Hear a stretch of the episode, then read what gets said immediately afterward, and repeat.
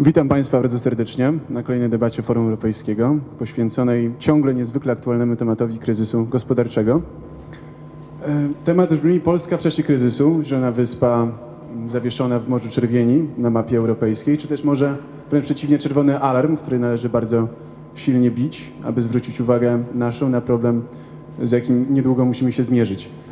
E, Na to pytanie odpowiedzą dzisiaj zgromadzeni z nami goście. E, Prezentacji dokona pan redaktor Kazimierz Krupa, któremu oddam głos już za chwilę. Natomiast chciałbym jeszcze bardzo serdecznie powitać również przedstawicieli Uniwersytetu Warszawskiego oraz Muzeum Powstania Warszawskiego, organizatorów konferencji. Bardzo dziękuję. Dziękuję bardzo. E, Proszę Państwa, jako, jak już zostało powiedziane, nazywam się Kazimierz Krupa, jestem redaktorem naczelnym miesięcznika Forbes i będę miał zaszczyt i przyjemność poprowadzić dzisiejsze spotkanie, a nasze zaproszenie do dyskusji przyjęli Pan Profesor Stanisław Gomułka. Panie Profesorze, nagródźmy brawami Pana Profesora.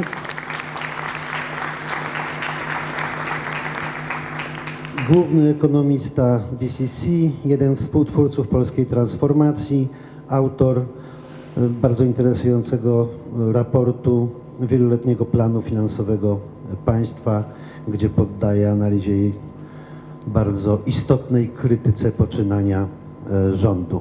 E, Pan profesor Witold Orłowski e, meldował mi przed chwilką, że już widzi e, gmach Muzeum Powstania Warszawskiego. Być może właśnie negocjuje wysokość mandatu z policjantami, jako że tu wszędzie są objazdy, wszędzie oni stoją i skwapliwie te mandaty wydzielają.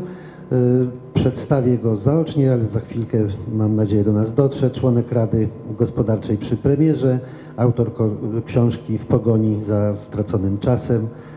Myślę, że specjalnie nie trzeba przedstawiać bardzo znany. Tam jeszcze ostatniego wywiadu do radia udziela doktor habilitowany nauk prawnych pan Robert Gwiazdowski. Panie Robercie, zapraszamy już do nas bardzo serdecznie. Prawnik, ekonomista, o już właśnie zmierza. Prawnik, ekonomista, ekspert w dziedzinie y, podatków, związany z Centrum imienia Adama y, Smysa. I pan doktor Wiktor, ale myślę, że brawa panu Robertowi się należy. To na zachętę, na zachętę.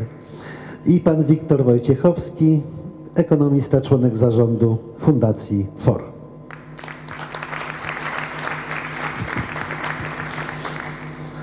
Proszę panów, ja jestem dziennikarzem i wyznaję taką zasadę, że rozmawiać się powinno wychodząc od szczegółu i zmierzając do uogólnień.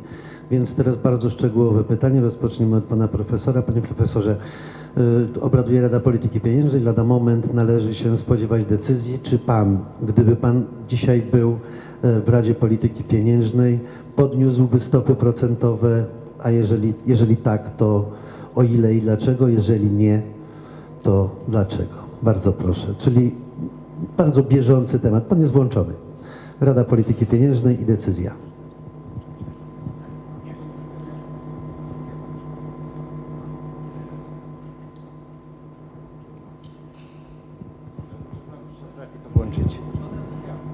Włączony, ale nie działa, ale ten działa.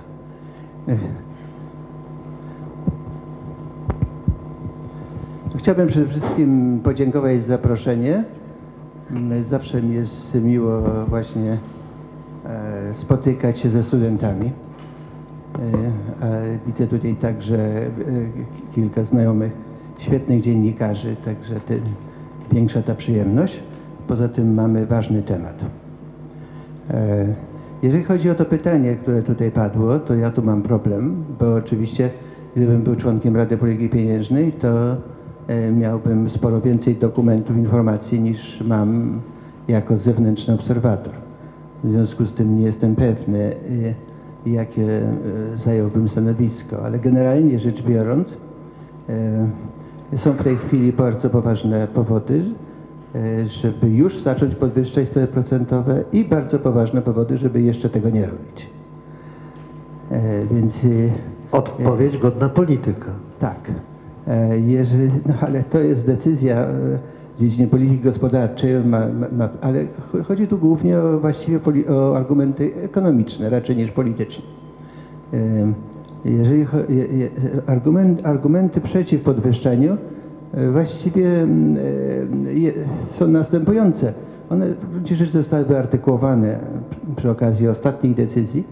E, e, Po pierwsze stopy procentowe e, w tych głównych krajach jak Unia Europejska, Wielka Brytania, Stany Zjednoczone są ciągle na bardzo niskim poziomie. E, Sporo niższym niż w Polsce. E, Po drugie, e, e, nie ma presji płacowej. E, I stopa bezrobocia, blisko 12% według statystyki polskiej, jest dostatecznie wysoka, by nie oczekiwać pojawienia się silnej presji płacowej także w przyszłym roku. E, Po trzecie, jest problem co z kursem złotego. E, Kurs w tej chwili w okolicy 4 zł jest raczej stosunkowo słaby, e, biorąc pod uwagę to, co mieliśmy dwa lata temu przed kryzysem. I tu jest pewien potencjał do wzmacniania. Czyli jednym słowem jest, poten- jest potencjał, jest możliwość zacieśnienia polityki, polityki pieniężnej poprzez kanał kursowy, raczej niż poprzez stopy procentowe. Nie byłoby właściwe zacieśnianie polityki pieniężnej e, przy użyciu obu tych kanałów równocześnie. E, Więc gdyby, e, gdyby były wątpliwości co do właśnie kursu złotego, no to wtedy właśnie, to wtedy wchodzi w grę możliwość podwyższenia stóp pro- stóp procentowych. Więc tu, już się pojawia argument za podwyżką. Pierwszy argument, że mogą być wątpliwości dotyczące właśnie tego, czy będziemy mieć do czynienia z aprecjacją, czy nie. Między innymi stąd, że ciągle mamy dużo ryzyka w skali gospodarki światowej i że może być w jakimś momencie jakiś znaczący odpływ kapitału zagranicznego z Polski, co by osłabiło kurs złotego. A gdyby doszło do takiego osłabienia, no to oczywiście automatycznie presja inflacyjna rośnie. E, no, Drugi argument e, ewentualnie za, no to jest taki, że mamy ogromne opóźnienie między podwyżką stóp procentowych a skutkami, to jest jakieś półtora, dwa lata, więc musimy być skoncentrowani na tym, co się będzie dziać na rynku pracy za dwa lata, raczej niż w roku przyszłym. E, No i jeżeli byśmy mieli spory wzrost gospodarczy w przyszłym roku, a, a, a, tym, a jeszcze większy w roku 2012, no to wtedy mogłaby się pojawić już presja płacowa w roku 2012, szczególnie w drugiej połowie E, i wtedy e, obecne stopy procentowe są za niskie, żeby sobie dać z tym radę.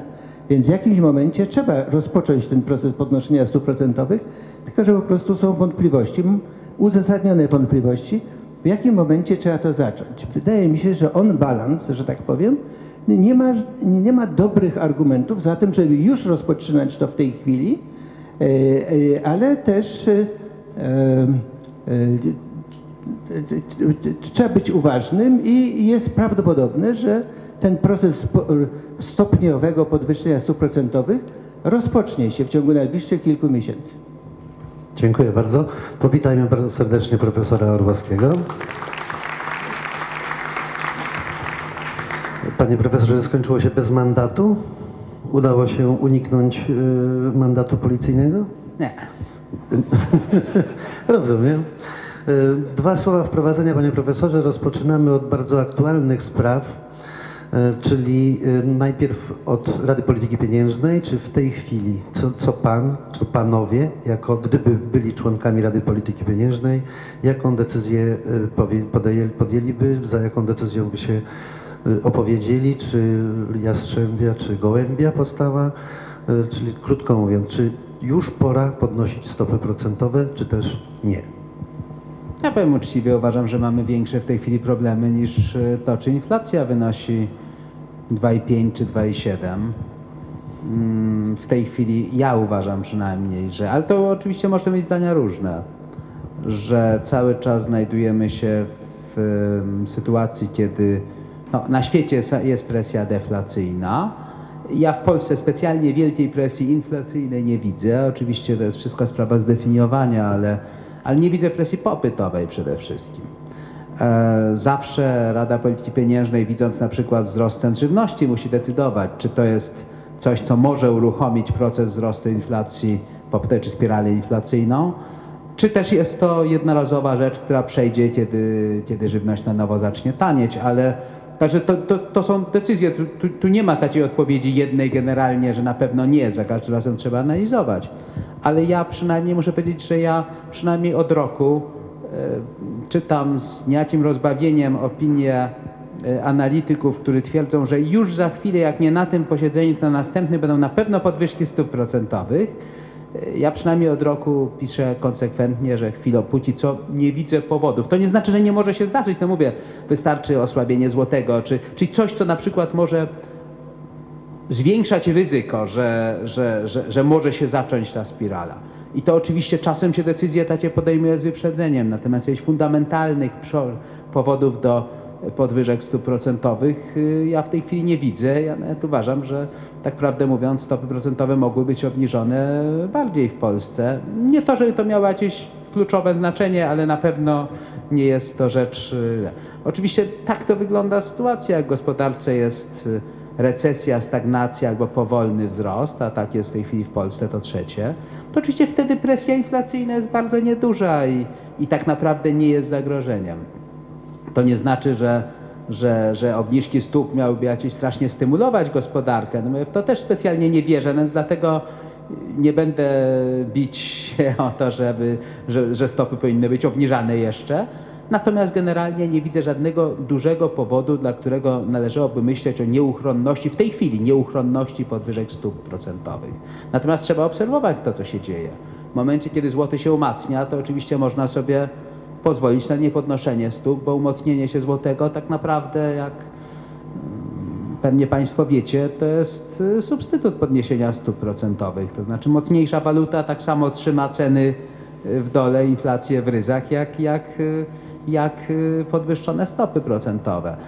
W momencie, gdyby na przykład doszło do osłabienia złotego, a to w każdej chwili w końcu jest możliwe, dzisiaj żyjemy w takim świecie, że właśnie nie wiemy, bo zdarzyć się może wszystko. No wystarczy, że na świecie jakaś wybuchnie panika w sprawie Irlandii czy w sprawie Portugalii i tak dalej. I oczywiście złoty może z dnia na dzień się osłabić, mimo że dzisiaj nie ma, nie widać, znaczy w polskiej gospodarce nie widać powodów, dla których miałby złoty się, się osłabić. Więc to, to, na to trzeba być gotowym. Jakby złoty się osłabiał, no to z kolei wtedy dobry jest, dobry jest powód, żeby stopy mm, obniżać.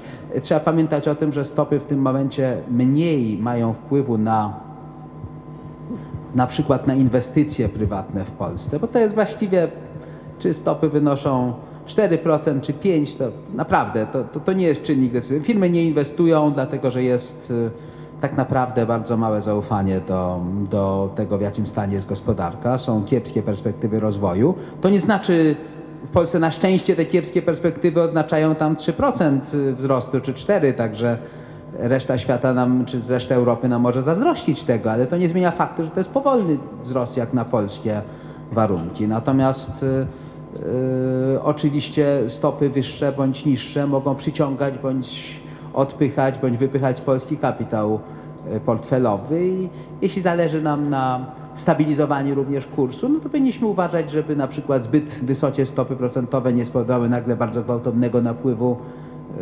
inwestycji portfelowych do Polski, bo nikomu w Polsce w tej chwili nie zależy ani na bardzo dużym umocnieniu złotego, ani na bardzo mocnym osłabieniu. My właściwie z takim złotym, jak jest obecnie, my jesteśmy, my się czujemy dość komfortowo i lepiej by było, żeby ten złoty się jak najdłużej na takim poziomie utrzymał. Także y, reasumując, Rada Polityki Pieniężnej dzisiaj decydując o stopach musi oczywiście patrzeć na potencjalne zagrożenia, ale to nie jest zagrożenie, że gospodarka nam się przegrzewa, bo w oczywisty sposób nam się nie przegrzewa i, i, i nic nie wskazuje na to, że w ciągu najbliższych kwartałów miała się przegrzewać. Znaczy jesteśmy bardzo daleko od, od, od początków jakichkolwiek symptomów przegrzania. I to oznacza, że fundamentalnie no, nie ma jakichś zasadniczych powodów, dla których stopy miałyby iść w górę. Natomiast może być wiele czynników przypadkowych, które mogą się przerodzić w presję inflacyjną, no i wtedy, czy w tę spiralę płacę ceny, no i wtedy oczywiście trzeba by było ewentualnie interweniować. Trzeba patrzeć, co się dzieje z kursem, czyli krótko mówiąc, uważam, że trzeba przede wszystkim obserwować, co się dzieje w gospodarce. Żadne nastawienie jakieś z góry, że na pewno jesteśmy w okresie, kiedy trzeba będzie podnosić stopę, jak nawet niektórzy członkowie Rady Politycznej już informowali parę miesięcy temu, wydaje mi się przesadne. Dziękuję. I ta sama opinia na ten sam temat, pan Robert Gwiazdowski, bardzo proszę.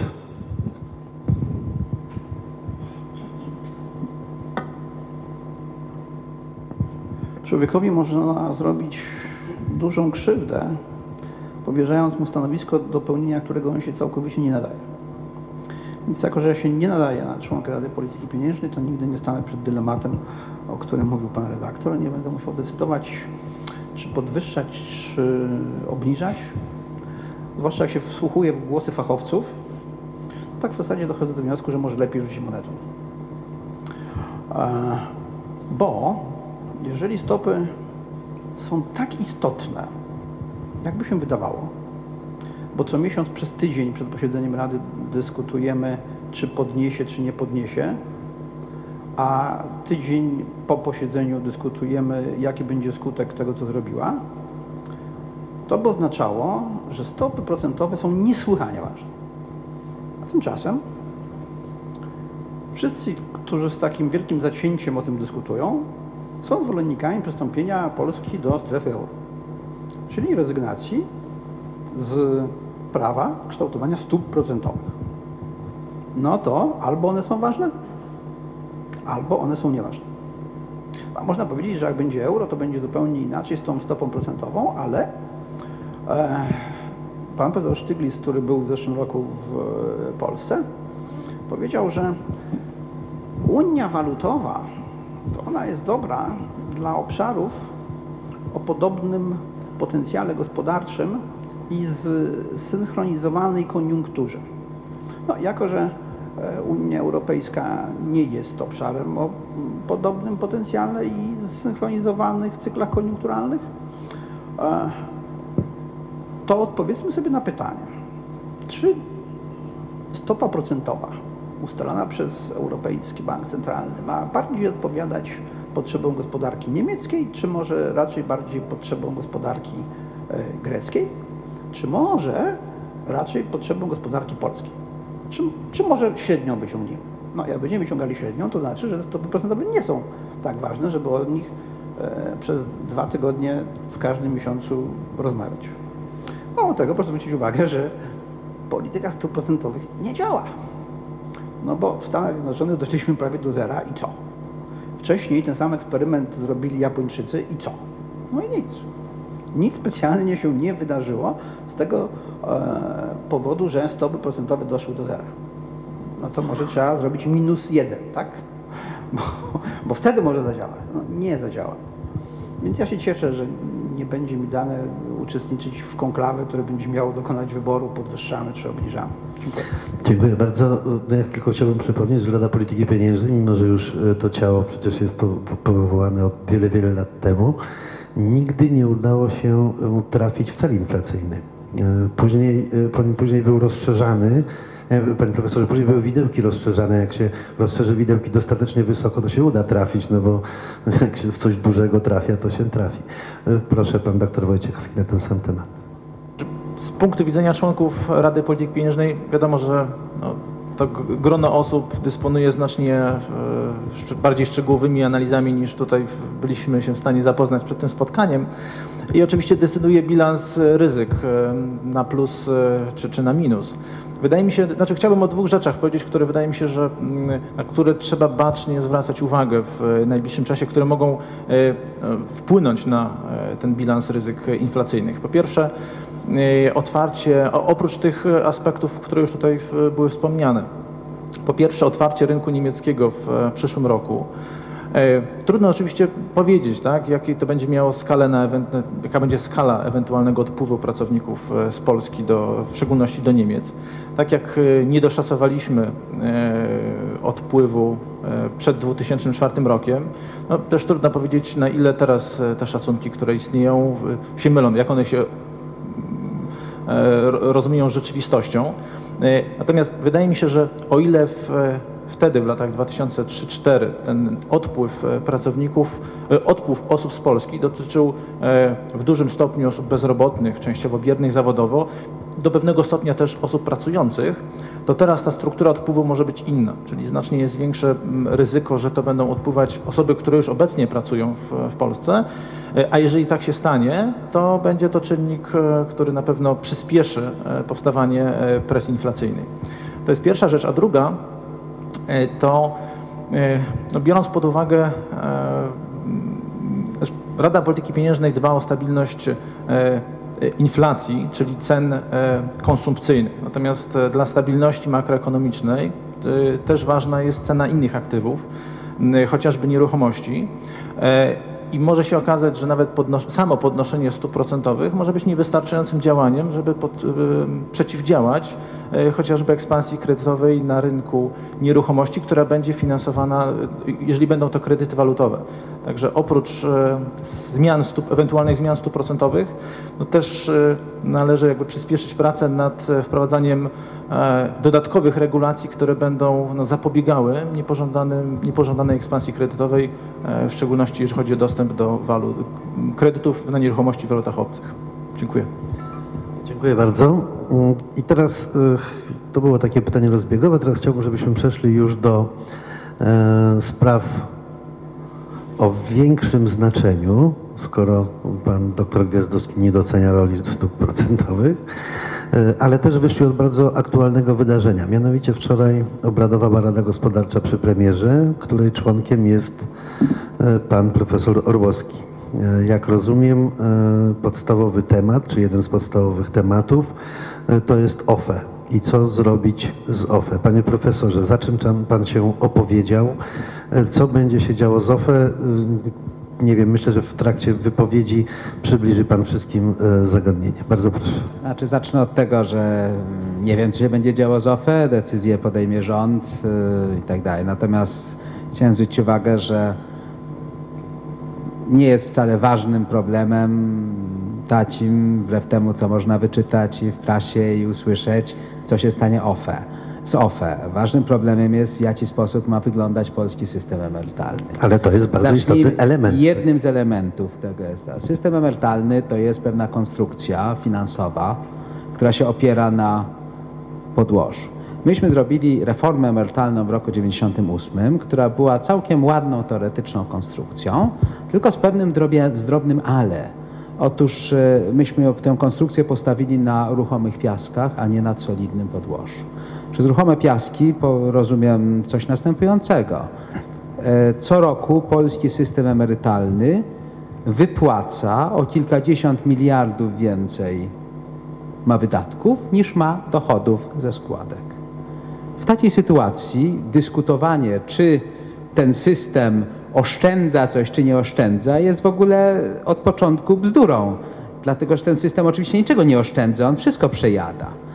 Można oczywiście stworzyć pewną konstrukcję, w wyniku której e, rząd na przykład się nieco jeszcze o dodatkowe 20 miliardów zadłuża, czyli nie, na, nie powiedzmy o 40, tylko o 60 i te 20 miliardów tak jak tacie, jakby fikcyjnie inwestuje w gospodarce, no ale to jest troszkę tak, jakby państwo chcieli oceniać swoją sytuację, czy jesteście inwestorami, czy nie, w ten sposób, że nie macie oszczędności, załóżmy, nie macie pieniędzy, a chcecie koniecznie być inwestorami, w związku z tym bierzecie kredyt w banku i te pieniądze inwestujecie.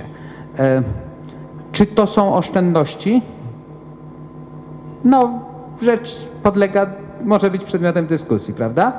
E, Krótko mówiąc, dopóki się, znaczy cały system polski emerytalny będzie oczywiście źle funkcjonować i nie ma idealnej konstrukcji, dopóki się nie uporządkuje go od podstaw. To znaczy, dopóki ten system, jeśli mówimy o tym, że na przykład część pieniędzy jest oszczędzana i inwestowana, to one rzeczywiście muszą być oszczędzane, a nie pieniądze na inwestycje osiągane w wyniku zaciągania kolejnego kredytu, przy braku notabene pewności, czy te pieniądze, czy nawet zwrot z tych inwestycji będzie wyższy niż koszt tego kredytu, bo, bo, bo chwilowo nie jest to pewne. No dobra, to jest punkt pierwszy. Panie profesorze, ale to chwilę taka Nie, nie, uzupełnienia, nie, bo czy to nie jest to uzupełniające pytanie? Y, Czy OFE nie były próbą, bo pan doskonałego przykładu użył z, tą, z tym kredytem i No to jest dokładnie to samo, To jest dokładnie to samo, tylko czy? Bo jeżeli człowiek oszczędza przez całe życie w ZUS-ie i zaoszczędził tam bardzo dużo, to ma wirtualne pieniądze. A jeżeli ma w OFE, to ma realne Już pieniądze. się, już się zbliżam. Nie, nie ma realnych pieniędzy. Ma tylko papierki podpisane przez rząd, który zobowiązuje się kiedyś mu te pieniądze dać. Ma tylko obligacje. Tam nie ma żadnych realnych pieniędzy. No, rząd nie ma tych pieniędzy. Rząd nie ma nadwyżki, którą mógłby dać, przekazać do OFE. Rząd może tylko się zadłużyć i te obligacje, czyli dowód, że się zadłużył, przekazać do OFE. Czyli to jest taka pierwsza uwaga porządkująca, dlatego że czasem w dyskusji pada właśnie, no, moim zdaniem, dość albo nie do końca uczciwe, albo nie do końca mm, oznaczające, że wypowiadający się nie do końca rozumieją istotę problemu, stwierdzenie, że w OFE to mamy oszczędności, a w tym to mamy, to mamy yy, długi rządu. Nie, oszczędności w OFE polegają na tym, że rząd się zadłuża na jeszcze większą kwotę i tacie niby oszczędności w OFE powstają. Yy, dobra, mimo wszystko OFE ma sens, dlatego że, ale za chwilę dojdę do, do, do tego. Oczywiście, że musimy ten system uporządkować. Ten system będzie nam w dodatku się jeszcze bardziej rozjeżdżać, czyli dochody i wydatki, w miarę tego, jak się demografia będzie pogarszać. Czyli dzisiaj mamy kilkadziesiąt miliardów, jakby nic się nie stało, to, to potem by było jeszcze więcej, jeszcze więcej, jeszcze więcej, jeszcze więcej, tak jak, na cały, tak jak w całej Europie. No, w związku z tym, cóż można zrobić? Więc po pierwsze można, i to stworzono, zmienić system w taki sposób, że stworzyć indywidualne konta emerytalne, na których pieniądze są, one w jakiś sposób są indeksowane, w jakiś sposób są, są e, w przypadku OFE to zabezpieczane niejako tymi zobowiązaniami rządu na papierze, nie pieniędzmi żadnymi realnymi, tylko zobowiązaniami rządu na papierze. I teraz e, oczywiście idea jest taka, że jakiej wysokości będą emerytury? No takiej jak OFE wygospodarują i ZUS, prawda? W związku z tym rząd, jeśli ten system się utrzyma, nie ma powodu się dłużej martwić, bo nie będzie musiał do OFE dokładać. A co będzie, jeśli z powodu demografii tych pieniędzy na emerytury będzie po prostu mało, a rząd w systemie OFE nie musi do, do nich dokładać? To co się stanie z emeryturami? Znaczy, dzięki czemu uda się zrównoważyć jedną stronę i drugą? To dzięki temu, że emerytury będą spadać po prostu w relacji do płac.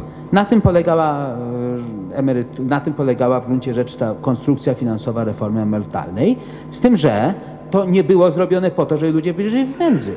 To było zrobione po to, żeby wywołać następującą refleksję. Skoro stacik składek przy takiej demografii nie jestem w stanie wyżyć przyzwoicie, to znaczy powinienem się zgodzić na to, że pracować powinienem nie do 60, tylko do 65, tylko do 70 roku życia, no tak jak wszędzie w Europie w tej chwili się krok po kroku robi, bo tych pieniędzy jest po prostu za mało. Już dzisiaj widać, że jest za mało i ich nie przybędzie. Prawdziwe reformy systemu emerytalnego, moje tacie fundamentalne, to są reformy, które powodują, że ludzie dłużej pracują, więcej oszczędzają i dlatego emerytury są wyższe a nie polegają na tym, czy ten deficyt się zapisze w taki sposób, czy w taki sposób. Czy się podzieli go między y, ZUS i OFE, czy tylko się znaczy deficyt podzieli, dlatego że OFE ma tylko w inny sposób zapisywany ten dług, ale to jest ten sam dług, czy też się wszystko zgromadzi w ZUS-ie, czy też się wszystko zgromadzi w OFE. To są zabiegi księgowe, których celem tak naprawdę było stworzenie dobrych motywacji dla ludzi. Czyli krótko mówiąc, idea, chociaż za chwilę dla, nie zostało to, dlaczego nie zostało to powiedziane, idea była bardzo prosta. Stwórzmy system taki zamykają, domykający się. E, on oczywiście wymagał ustabilizowania na początku, tego nie zrobiono. To znaczy zapisano, że na pewno w ciągu pięciu lat będą oszczędności, dochody z prywatyzacji to sfinansują. Guzik, dochody z prywatyzacji zostały przejedzone, e, oszczędności żadnych nie zrobiono, zamiast tego górnicy dostali jeszcze większe emerytury niż mieli i tak dalej, i tak. W każdym bądź razie logika była taka, jak ludzie stworzymy system po to, żeby ludzie po pierwsze zrozumieli jakoś jego funkcjonowanie, że tam się troszeczkę poczuli, że dobra, to są moje pieniądze, moje składki, one są zainwestowane, one coś dają. Po drugie, żeby zobaczyli, nikt mi tego nie ukradł, ta składka daje. Niestety ta składka daje emeryturę dość niską. Jeśli nie chcę żyć w biedze, muszę się zgodzić na to, żeby dłużej pracować albo dodatkowo oszczędzać. Taki był sens reformy emerytalnej i taki sam jest sens w gruncie rzeczy reformy emerytalnej i to, co Niemcy robią, i to, co Francuzi. Oni, tyle, że oni nie mają systemu OFE, więc próbują po prostu ludziom wytłumaczyć. Wasze emerytury będą spadać, musicie się zgodzić na dłuższy, na dłuższy czas pracy.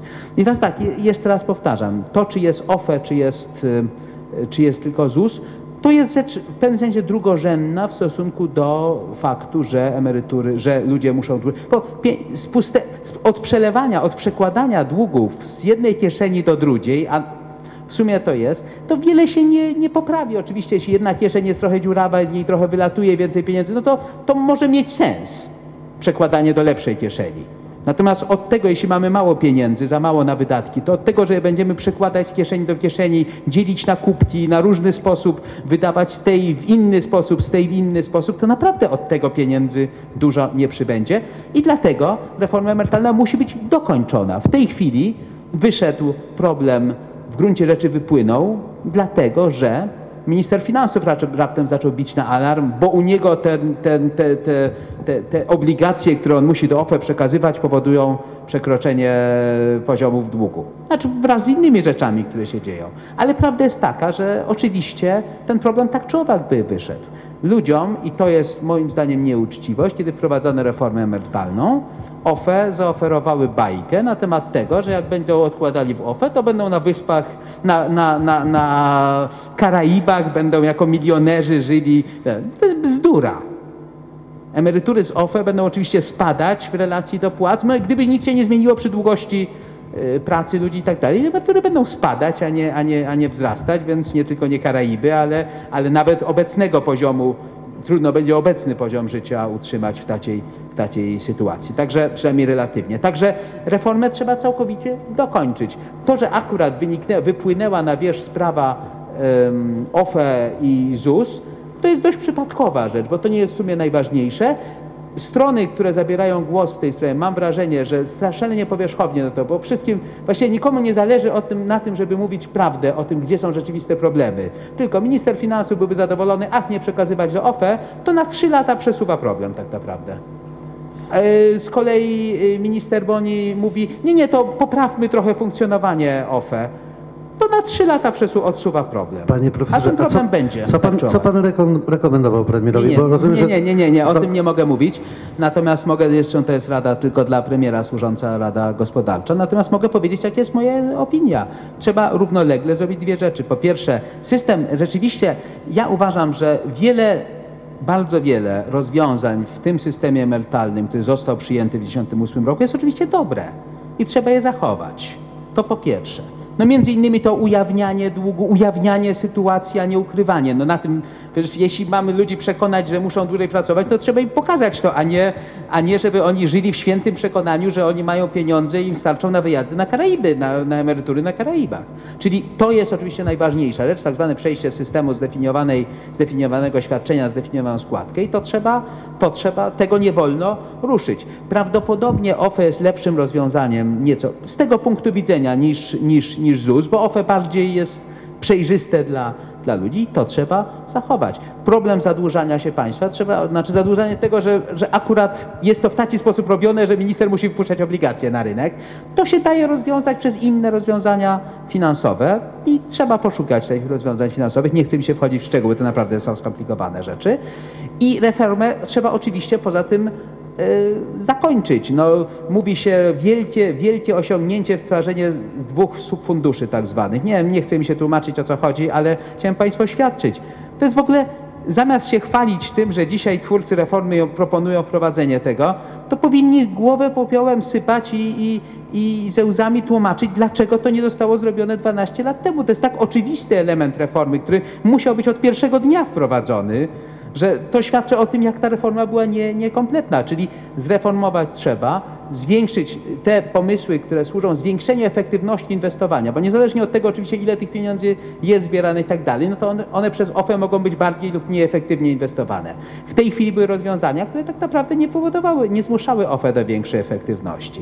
Więc w związku z tym oczywiście te rozwiązania, które w tej chwili proponuje zespół Boniego, one są, znaczy mówię, tam można się o szczegóły pewne wiele kłócić, ale one są oczywiście słuszne, tylko że to jest taci, taci wycineczek całego problemu. Podobnie jak wycinkiem problemu jest propozycja, no to przestańmy wpłacać do OFE, to się problemy rozwiążą. Nie, nie rozwiążą się, tylko na trzy lata je przysypiemy i wyjdą na wierzch za trzy lata w gorszej sytuacji. Także, jak powiedziałem, moja porada, jeśli mogę najkrócej ująć, jest taka jest moment, żeby system emerytalny zreformować dogłębnie. Dogłębnie to oznacza, że konstrukcja finansowa, jaką, jak to zrobić, jest rzeczą dość, jest rzeczą wtórną.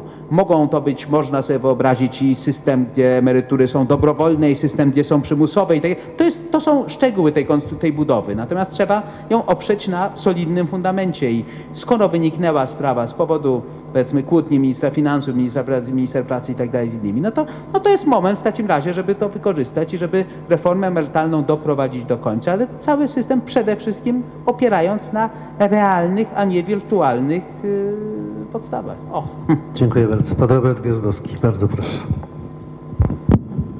Więc ja może zacznę od takiej prawdy oczywistej, że 2 plus 2 równa się 4. E, I jak będziemy chcieli budować ten fundament systemu emerytalnego przy pomocy jakichś innych wyliczeń, żebyśmy nie wiem jak zaklinali deszcz, e, to się nie da. Tak? Jak skonstruujemy jakąś piękną budowlę, to bez względu na to, czy ją postawimy na piaskach, czy nie na piaskach, jak w naszej konstrukcji przyjmiemy, że 2 plus 2 równa się 5, to nam się budowa zawali. Więc e, co to, co można podstawić, znaczy jakiej subsumpcji dokonać pod to równanie, jeśli chodzi o system emerytalny? Otóż w każdym społeczeństwie mamy jakiś dochód narodowy. Wytwarzamy ten dochód narodowy, a potem go jakoś dzielimy.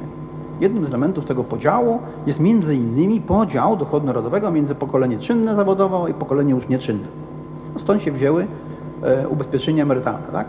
W XIX wieku socjaliści doszli do wniosku e, i ogłosili prawdę objawione, że współczesne państwo nie może pozwolić, żeby ludzie biedni, starzy, niezdolni do pracy umierali z głodu na ulicy. Tak, tylko z, drobnym, z drobną korektą, to ak- akurat kanclerz Otto von Bismarck, którego za socjalistę trudno uważać, Nie, nie, nie, jako pierwszy. Witku, Witku, Witku drogi, bym wła- właśnie do tego bym doszedł. Wymyślili to sobie je socjaliści, bo e, niejaki Edward Bernstein e, zaczął głosić tę prawdę, po czym, e, jako że były wybory w Niemczech, co prawda jeszcze nie takie do końca demokratyczne, Bismarck doszedł do wniosku, że on przejmie to hasło socjaldemokratów, w związku z tym e, przejmie część głosów wyborców. No, jak pomyślał, jako przyzwoity konserwatysta, tak zrobił. To mniej więcej z tego samego powodu torysi brytyjscy, którzy kiedyś prowadzili cła zbożowe, potem też je znieśli, e, odbierając argument wyborczy Wigom. E, więc tak, zrobił to Bismarck dokładnie w roku 1780, 1886, 86, tak. Jest to kwestia podziału dochodu narodowego. I teraz ten dochód trzeba wypracować. Jak go sobie wypra- wypracowaliśmy, to potem go dzielimy. Mamy dać ludziom emerytury, ale żeby im dać emerytury, to musimy w jakiś sposób sfinansować. Bismarck wpadł na genialny sposób. E, wprowadzi nowy podatek. To nie był żadny, żaden szczególny wymysł, bo proszę zwrócić uwagę, że w tym samym czasie wprowadzano po raz pierwszy w Europie podatki dochodowe w ogóle. Tak? E, Takie podatki dochodowe dotyczyły nikłej grupy społecznej, bo e, od 2 do 10%, czy to w Wielkiej Brytanii, czy we Francji, czy w Niemczech, te podatki dochodowe wprowadzano, i były na niskim poziomie. Bismarck wymyślił takie rozwiązanie, że wprowadzi podatek, który dotknie wszystkich. No bo jeżeli już państwo musi wydawać pieniądze na emerytury dla tych biednych, chorych, schorowanych, to musi skądś się wziąć. No i taki podatek, który się nazywał dla niepoznaki składką ubezpieczeniową, był świetnym rozwiązaniem. Wszyscy tego płacili. E, A nie tylko nielicznie w przypadku podatku dochodowego. Stawka była bardzo niewielka, ale był powód. Otóż statystycznie rzecz biorąc nikt nie dożywał emerytury. E, Bo wiek emerytalny wynosił 70 lat. Więc jak wynosił 70 lat, a statystycznie e, długość życia wynosiła 47, no to tam paru profesorów z Królewca, między innymi Kant, tej emerytury dożyli, ale ich było niewielu. E, Więc te pieniądze, które do Skarbu Państwa wpłynęły, zostały wydane na wojnę z Francją, no, najpierw z Austrią, potem z Francją, potem pierwszą światową, potem drugą światową i nie było problemu. Dopóty, dopóki w czasie II wojny światowej tak zwane wykształciuchy nie wynalazły penicyliny. No, okazało się, że żyjemy troszeczkę dłużej, no i dożyliśmy tych 70 lat wieku emerytalnego i przyszli ludzie, powiedzieli, no gdzie są te nasze pieniądze? No nie ma pieniędzy. Nie ma pieniędzy, w związku powyższym trzeba wyżej opodatkować tych, którzy pracowali. Ale proszę mi powiedzieć, jeżeli celem systemu emerytalnego jest to, żeby ludzie starzy, chorzy e, nie umierali z głodu na ulicy, to dlaczego musimy przyjąć jako dogmat, jako jedenaste przykazanie, że tym podatkiem, który ma finansować wydatki państwa na emerytury, jest podatek nałożony na pracę, który się nazywa składką emerytalną. Dlaczego nie można emerytur finansować z VAT-u, akcyzy, e, podatku przychodowego czy czegokolwiek jeszcze innego? Może podatki inne są lepsze niż podatki nałożone na pracę. Przecież wszyscy się zgadzają, wszyscy, od lewa do prawa, że w Polsce podstawowym problemem są koszty pracy i tak zwany klin podatkowy. No klin podatkowy to właśnie to składka ubezpieczeniowa. Więc może bardziej opłaca się podwyższyć VAT na żywność na przykład i prowadzić jedną stawkę podatku VAT na wszystko, ale za to radykalnie obniżyć składki ubezpieczeniowe, czyli podatek nałożony na pracę. E, Więc to jest pierwszy zasadniczy problem systemu emer- emerytalnego, bo tu się z Witkiem całkowicie zgadzam, to czy OFE jest, czy tam nie ma, e, nie ma specjalnego znaczenia, gdyby inaczej funkcjonowało. No bo jeżeli OFE są takie dobre, to dlaczego są obowiązkowe? E, Padło przed chwilą stwierdzenie, że reforma emerytalna miała pokazać ludziom, że bardziej się opłaca dłużej pracować. Czyli apelowaliśmy do ludzkiego racjonalizmu.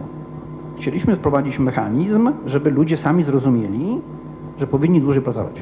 No to tak naprawdę w jakim kraju ludzie najdłużej pracują? No w Chinach.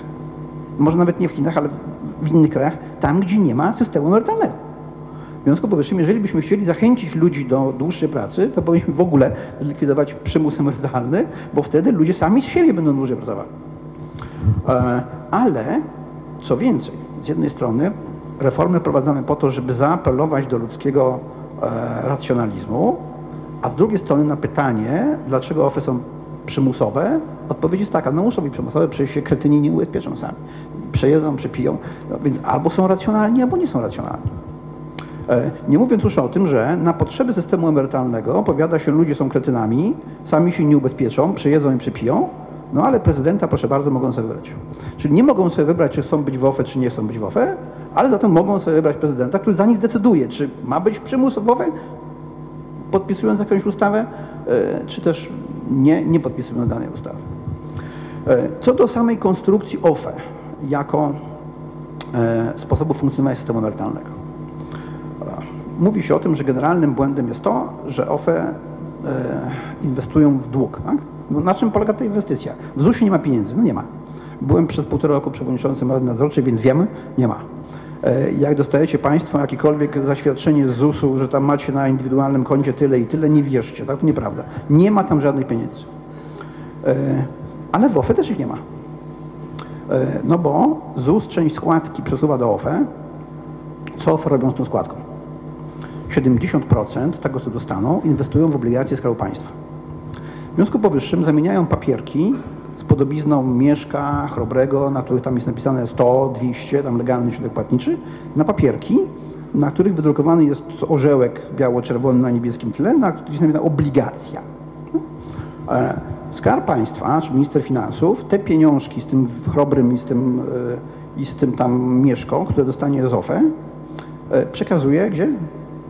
No, do ZUS. Tak? A co robi z nimi ZUS? No natychmiast je wypłaca na dzisiejsze emerytury. Mało tego, i tak jeszcze mu nie starcza, w związku powyższym minister finansów musi dorzucić jeszcze z VAT-u, z VAT-u, akcyzy i wszystkich innych podatków trochę tych pieniążków, żeby y, ZUS-owi na te dzisiejsze emerytury starczyło. E, Więc skąd będą OFE miały pieniądze na emerytury wypłacane z drugiego filara w przyszłości? Otóż, proszę Państwa, my wszyscy, już dzisiaj zapłaciliśmy składkę, za którą to składkę OFE kupiły obligacje, będziemy musieli w przyszłości zapłacić podatki, żeby minister finansów miał za co wykupić te obligacje. Czyli dzisiaj dajemy 100, a za ileś lat będziemy musieli dać 110, tak? Jeszcze raz. Jeszcze raz 100 plus odsetki. I to się nazywa, że my inwestujemy w swoją własną emeryturę. No ale OFE się oburzają, mówią tak, no dobrze, e, ten system jest zły, my powinniśmy móc inwestować gdzie indziej, tak? To ja się pytam, gdzie będą otwarte fundusze emerytalne inwestowały? Witek nie mówił o subkoncie A i subkoncie B. Chodzi o to, żeby część była e, inwestowana bardziej ryzykownie, czyli w akcje, a część, żeby była inwestowana bezpiecznie. Bezpiecznie znaczy w papiery skarbowe. Grecja, Irlandia, Portugalia, Hiszpania, które jeszcze? No niemieckie. Niemieckie są bezpieczne. No owszem, dzisiaj niemieckie są bezpieczne, ale jak po bailoutie Grecji i teraz Irlandii wykupią jeszcze Portugalię i Hiszpanię, e, no to podejrzewam, że w przyszłości kolejny bailout, tym razem Niemiec, będą musieli zrobić Chińczycy. Chińczyków na to stać, bo nie mają ZUS-u. E, W związku powyższym e, ciężko długo pracują, bo nie mają takiego problemu.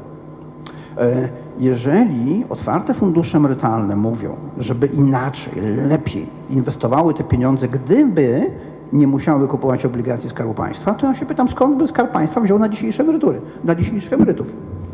No skąd? No musiałby natychmiast nam podwyższyć podatki. No co prawda mógłby przez jakiś czas udawać, zadłużając się za granicą, ale już nie może, bo doszedł do poziomu, e, że nie może. W związku powyższym te obligacje, które dzisiaj kupują od niego otwarte fundusze emerytalne, musiałby sprzedać na rynku, żeby mieć na dzisiejsze emerytury. Sprzedać na rynku to znaczy ściągnąć pieniądze z zagranicy.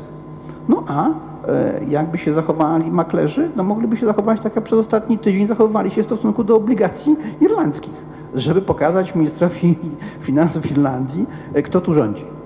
E, Bo te pieniądze na dzisiejsze emerytury muszą być.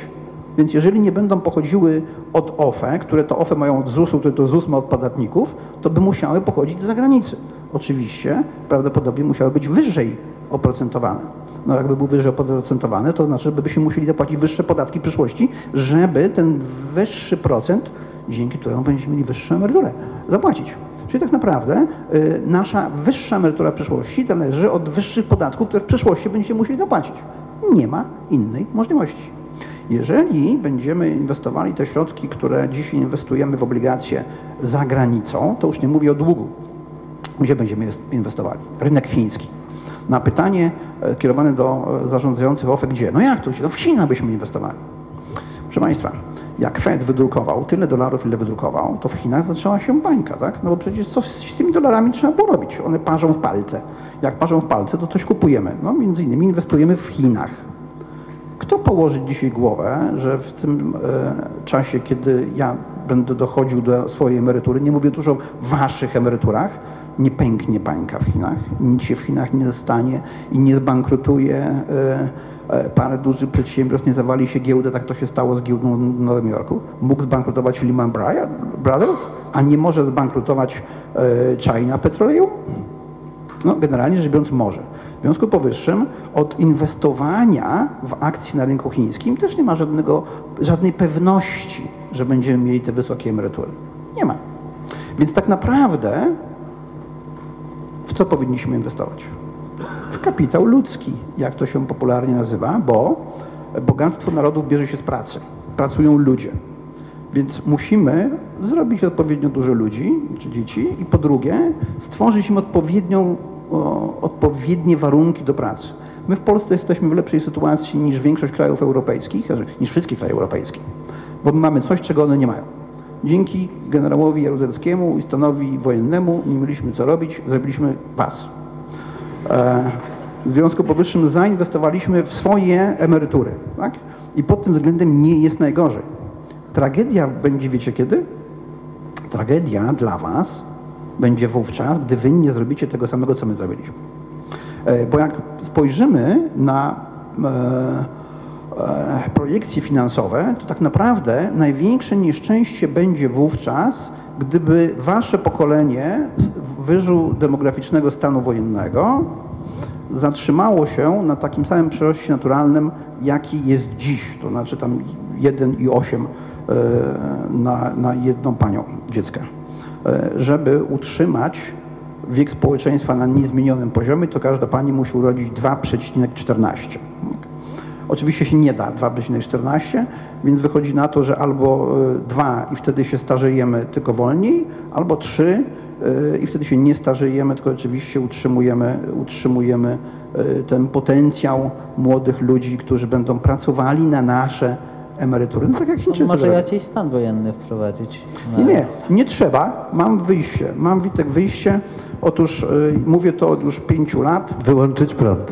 Właśnie. I on się wyłączy.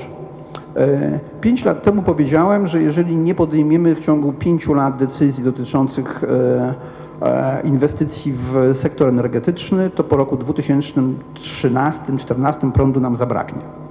Będzie powyższym, powszechny buyout i- Tak jest.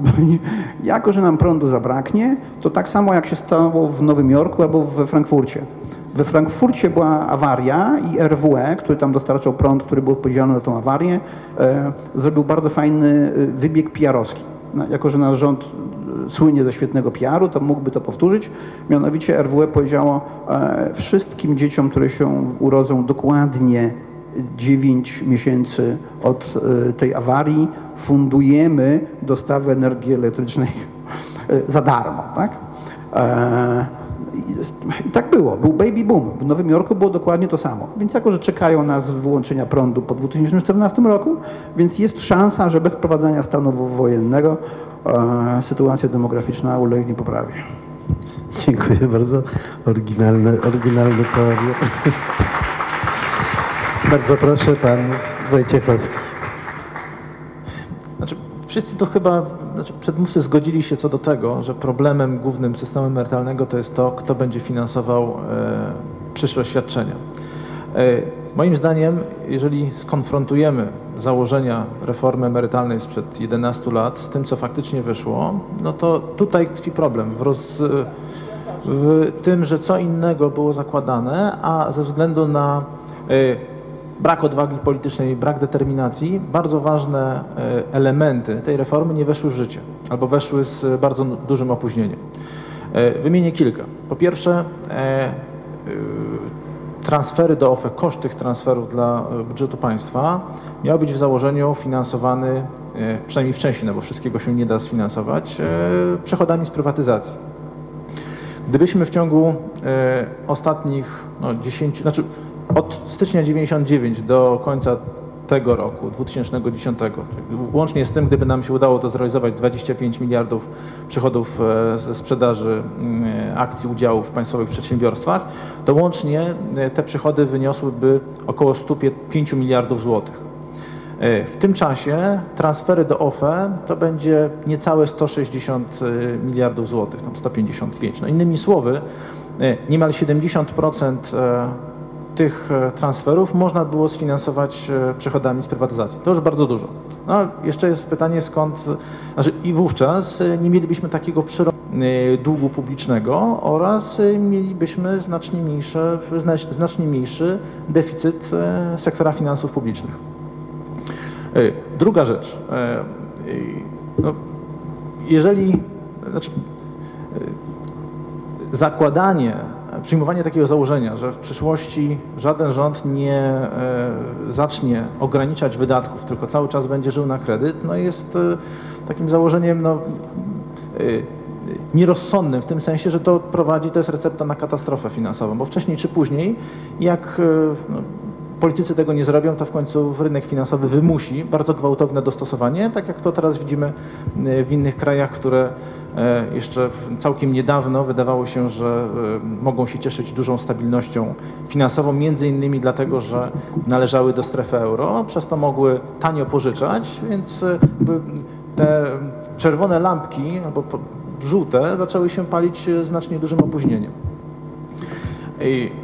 W momencie wprowadzania reformy emerytalnej zakładano ograniczenie przechodzenia na wcześniejsze emerytury. To trzeba było czekać na to 10 lat. W międzyczasie, w ciągu ostatnich o dwa lata było to opóźnione, no i to są realne koszty. Opóźniając o jeden rok wprowadzenie wcześniejszych emerytur, tak naprawdę do systemu, do, do systemu emerytalnego wpuszczali, wpuszczaliśmy około niecałe 100 tysięcy nowych osób. To jest rząd tylko w jednym roku, koszt w jednym roku no około 1,6, no niecałe 2 miliardy złotych. Ale to nie jest jednoroczny koszt, tylko skoro przeciętnie 5 lat przed osiągnięciem wieku emerytalnego osoby wycofywały się z rynku pracy, to ten koszt będzie ponoszony przez y, kolejne 5 lat, czyli tak naprawdę te 2 miliardy w cenach stałych musielibyśmy przemnożyć przez, y, przez 5, czyli wychodzi koło, koło 10. Y, kolejną rzeczą to jest podwyższenie wieku emerytalnego. No, nie ma jak dotąd odpowiedniej woli, żeby to, to zmienić. E, ograniczając możliwości przechodzenia na wcześniejsze emerytury, ten efektywny wiek emerytalny oczywiście mniej więcej o 5 lat e, jest podniesiony, ale to jest zbyt mało, bo no, optymal, znaczy w takim najbardziej optymistycznym scenariuszu, moim zdaniem, no, jeżeli nic nie będziemy robić e, z wiekiem emerytalnym, osiągniemy taki stan, że no, mężczyźni i kobiety będą odchodzić w wieku lat odpowiednio 65 i 60, 60 lat. Tak? Zakładając, że e, nikt nie będzie przechodził wcześniej na, na, na, żadną rentę albo w jakiś inny sposób się. No, znaczy, skoro nie może, no to będzie do, do tego wieku pracował. Wprawdzie w systemie są bardzo istotne bodźce do tego, żeby wydłużać swoją aktywność zawodową, to moim zdaniem e, jest to bardzo wątpliwe, żeby na przykład kobiety chciały e, z własnej woli pracować do 65 roku życia w, w, takich, e, w takim systemie prawnym, jaki jest obecny. Podnosząc ustawowy wiek emerytalny, no, podnosimy efekt, również efektywny wiek odchodzenia z rynku pracy. Gdybyśmy w ciągu najbliższej dekady w sposób stopniowy, nie gwałtowny, stopniowy, podwyższali e, wiek emerytalny kobiet i mężczyzn do 67 lat, no to według takich, e, myślę, że ostrożnych, konserwatywnych szacunków, e, poprawa e, salda sektora finansów pu- publicznych tylko z tego tytułu, no można naszacować na nieco ponad 1% PKB, może 1,2, e, 1,2% PKB. E, No, to jest, e, e, jeżeli zestawimy to z transferami do OFE, które teraz wynoszą około 1,6% PKB, to jest jakby kolejny czynnik, który może spowodować, że saldo sektora finansów publicznych poprawi się. I sektor no, nie będzie cały czas się zadłużał, tylko w końcu zacznie generować jakieś nadwyżki. Bo te transfery możemy sfinansować albo z oszczędności zgromadzonych przez poprzednie pokolenia, czyli z prywatyzacji, z przychodów z prywatyzacji, albo z bieżących oszczędności, czyli z nadwyżek w sektorze finansów publicznych.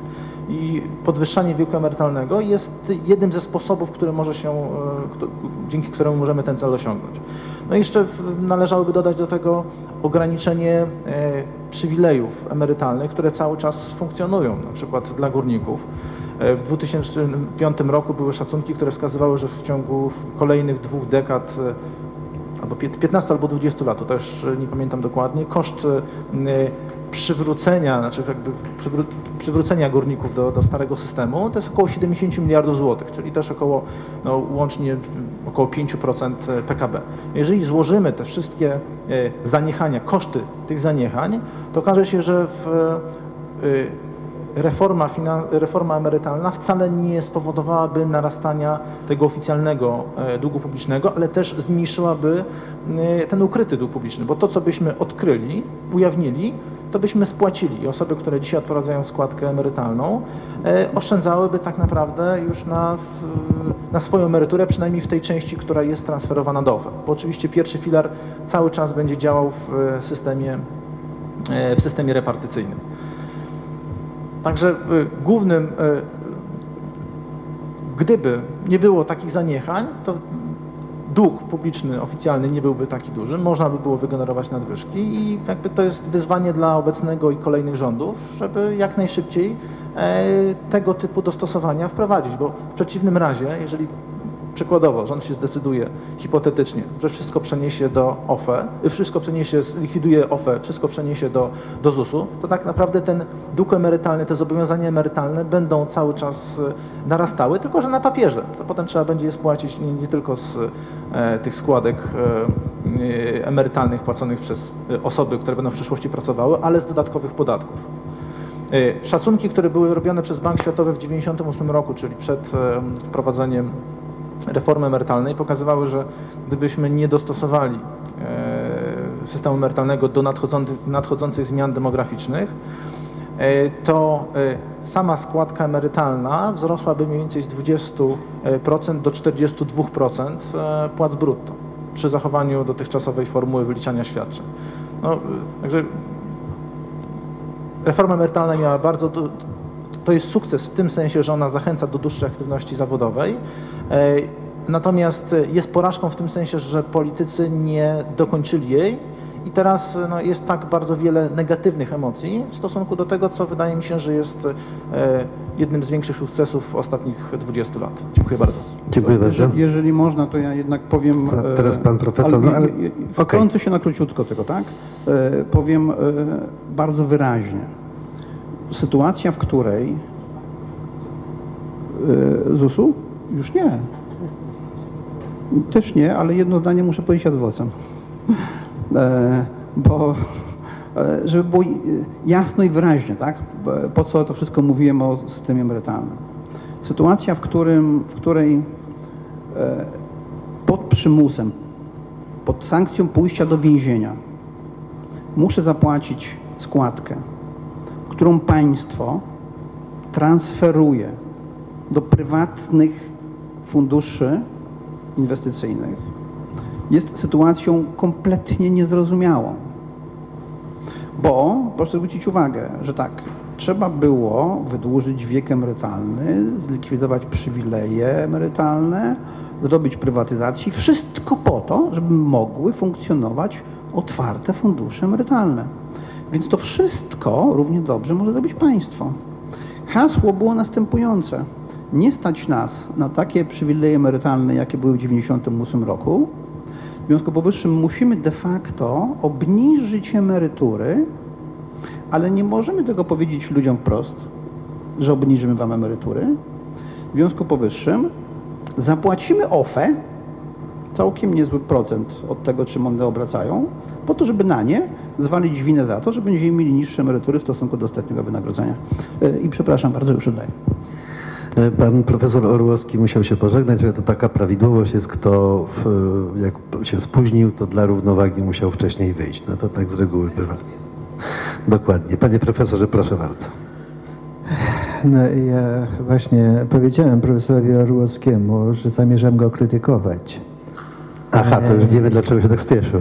I miałem nadzieję, że zostanie z tego powodu, ale nie udało się. Znaczy, nie, nie, nie chodzi mi raczej tyle o krytykę jego wniosków ostatecznych, ile o krytykę argumentacji.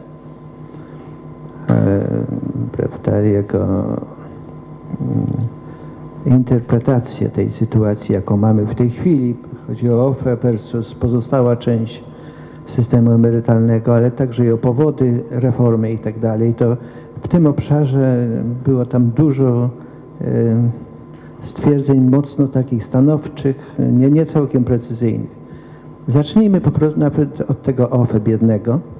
E, Przekazujemy tam te środki i czy to są prawdziwe pieniądze, czy nie. I była sugestia, że to są równie nieprawdziwe jak w ZUS-ie. No tak nie jest przecież. E, Po pierwsze, jest te 30%, o których tutaj Pan mówił, które jest inwestowane nie w papiery wartościowe, tylko gdzie indziej. E, I, i, I tutaj e, te pieniądze można odzyskać od razu. Ale również skarbowe papiery wartościowe w dyspozycji otwartych funduszy emerytalnych to są zupełnie inne papiery niż zobowiązania Skarbu Państwa wobec przyszłych emerytów w systemie ZUS. Dlatego, że to są papiery, które są na rynku światowym. Więc e, e, co by to oznaczało, jeżeli e, minister finansów nie chce zamienić tych papierów na pieniądz? No to by oznaczało utratę zaufania do wszystkich papierów skarbowych, wartościowych, jakie się znajdują na rynku kapitałowym. Prawda? Więc to by oznaczało bankructwo państwa. Takie ryzyko oczywiście istnieje, ale nie jest to tak duże ryzyko. Natomiast te, te zobowiązania Skarbu Państwa w systemie ZUS wobec przyszłych emerytów są zupełnie innego rodzaju. To jest ten tak zwany dług ukryty. Około 200% PKB w tej chwili. No i po, powiedzmy, że Skarb Państwa mówi tak, ja ignoruję ten dług, nie, nie będę płacił przysz, tym emerytom. E, nie będę honorował tego długu. To jakie są konsekwencje na rynku finansowym? Żadne. Mało tego, nawet to e, wzmacnia wiarygodność kraju. Prawda? Bo to znaczy, że zdolność do obsługi tego długu otwartego rośnie. Prawda?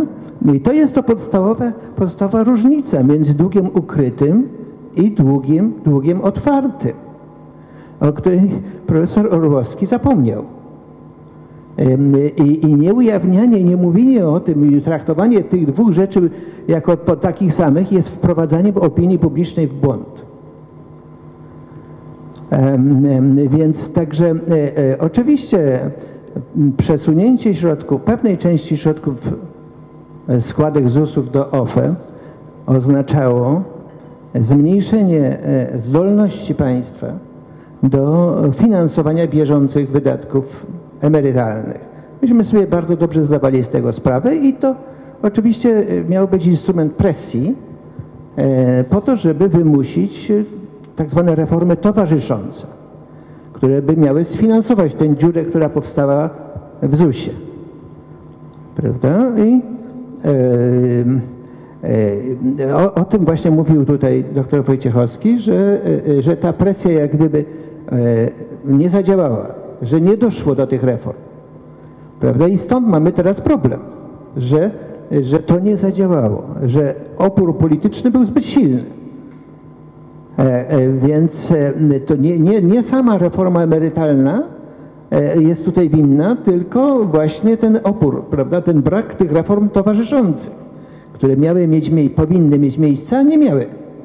I w związku z tym powstała dziura, która teraz jest finansowana, część, znaczy powinna być finansowana z podatków, ale de facto jest finansowana e, przyrostem długu publicznego, o którym tutaj mówił doktor Gwiazdowski. Więc, e, więc to jest, e, to, to jest, je- to jest ta, ta jedna historia. Druga, to to oczywiście system emerytalny, reforma sprzed- sprzed 11 lat miała zachęcić ludzi do, do tego, żeby dłużej pracowali, bo się, tworzymy konta, bo ludzie wiedzą, jakie tam są te środki i, i, i wiedzą, że przyszła emerytura zależy od tego, jakie zgromadzą e, pie- pieniądze na tych kontach, zarówno w filarze 1, jak i w filarze 2. Em, I w związku z tym będą mm, zainteresowani tym, żeby dłużej pracować. Na razie ten mechanizm też nie zadziałał. Prawda? Dalej mamy e, przechodzenie na emeryturę w wieku średnio 59 lat. 59,3 bodaj w tej chwili. Prawda? Więc także tu mamy e, do czynienia e, z dwoma wielkimi problemami, którymi mieliśmy do czynienia już kilkanaście lat temu i dalej e, mamy. I to są te problemy, prawda? Znaczy, że nie ta, ta presja zarówno na indywidualnych ludzi, jak i na państwo. Te dwie presje na razie nie doprowadziły do, do działań, do decyzji, zarówno tych mikroekonomicznych, jak i tych reformatorskich, które e, e, em, by zapewniły finansowe zdrowie całego systemu emerytalnego. Prawda? Ale to, to w ogóle nie ma nic wspólnego e, z OFE. To OFE tutaj e, trochę uzdrowiły sytuację o tyle, że właśnie przynajmniej w tej części mamy troszkę lepszą sytuację, że te pieniądze są, są bardziej prawdziwe e, i te zobowiązania są rzeczywiste, mają większą wartość, są mniej, to wszystko jest mniej ryzykowne dla przyszłych emerytów, E, więc to trzeba zachować. Tylko trzeba w tej chwili, e, że tak powiem, wrócić do, do tych rzeczy, które powinny być zrobione, a nie zostały zrobione. Prawda? I, i, i, i, i, my, i, to jest, to jest ta sprawa. E, I, I to oczywiście e, e, właściwie miałem na myśli chyba minister Boni, broniąc obecnego systemu, próbując tylko sugerować, znaczy sugerując jakąś reformę OFE, tak żeby po prostu zmniejszyć koszty administracyjne i tak dalej. To wszystko jest ok i, i, i, jego działalność tutaj wymaga, ak- tak powiem, poparcia. Z drugiej strony inicjatywa Rostowskiego i, i, i, i pani minister jest oczywiście, e, ma taki polityczny, krótkoterminowy charakter. I, i, i, w gruncie rzeczy e, to, nie jest, to jest poprawa sytuacji w systemie emerytalnym, to jest zabicie tej inicjatywy pierwotnej, która powinna być podtrzymana. Powinna być podtrzymana, tylko że trzeba ją uzupełnić o to, co nie zostało zrobione. Prawda? Więc, więc to nie, nie, powinniśmy iść napr- naprzód z tą całą reformą, a nie do tyłu. Nie cofać się do systemu socjalistycznego, w której o reformie decyduje formuła, biurokratyczna formuła, e, a nie środki nag- nagromadzone na, e, na kontach. Więc e, także to, to jest, tutaj jest spa- i, i, i, ta, i, i bywa nieprecyzyjność, chaotyczność w wystąpieniu mojego kolegi mnie trochę zdziwiła. Ekonomista wysokiej klasy, który świetnie się orientuje, więc, a, a w tej sprawie nawet ktoś taki jak profesor Orłowski, e, widziałem też artykuł e, pana Grabowskiego, e, też bez, e, w dużym stopniu bezsensowny, E, prawda? I, i, i to, to mnie mocno zmartwiło, że dwóch ważnych członków Rady Gospodarczej przy premierze e, e, zajmuje w tych sprawach takie dosyć e, chaotyczne stanowisko, e, pomieszanie e, dobrych argumentów, e, dobrych wniosków e, z, z bezsensownymi. E, e, Sprawy są właściwie o, o, oczywiste i były przejrzyste od 20 lat. E, Przepraszam, od, od 15 lat. Od 15 lat, kiedy się zaczęła ta reforma. Prawda? Ja wtedy byłem jednym z tych, które, którzy, że tak powiem, e, e, argumentowali na rzecz tych reform. E, Namawiali kolejnych e, prawda, ministrów e, pracy polityki socjalnej, premierów, żeby to zrobić.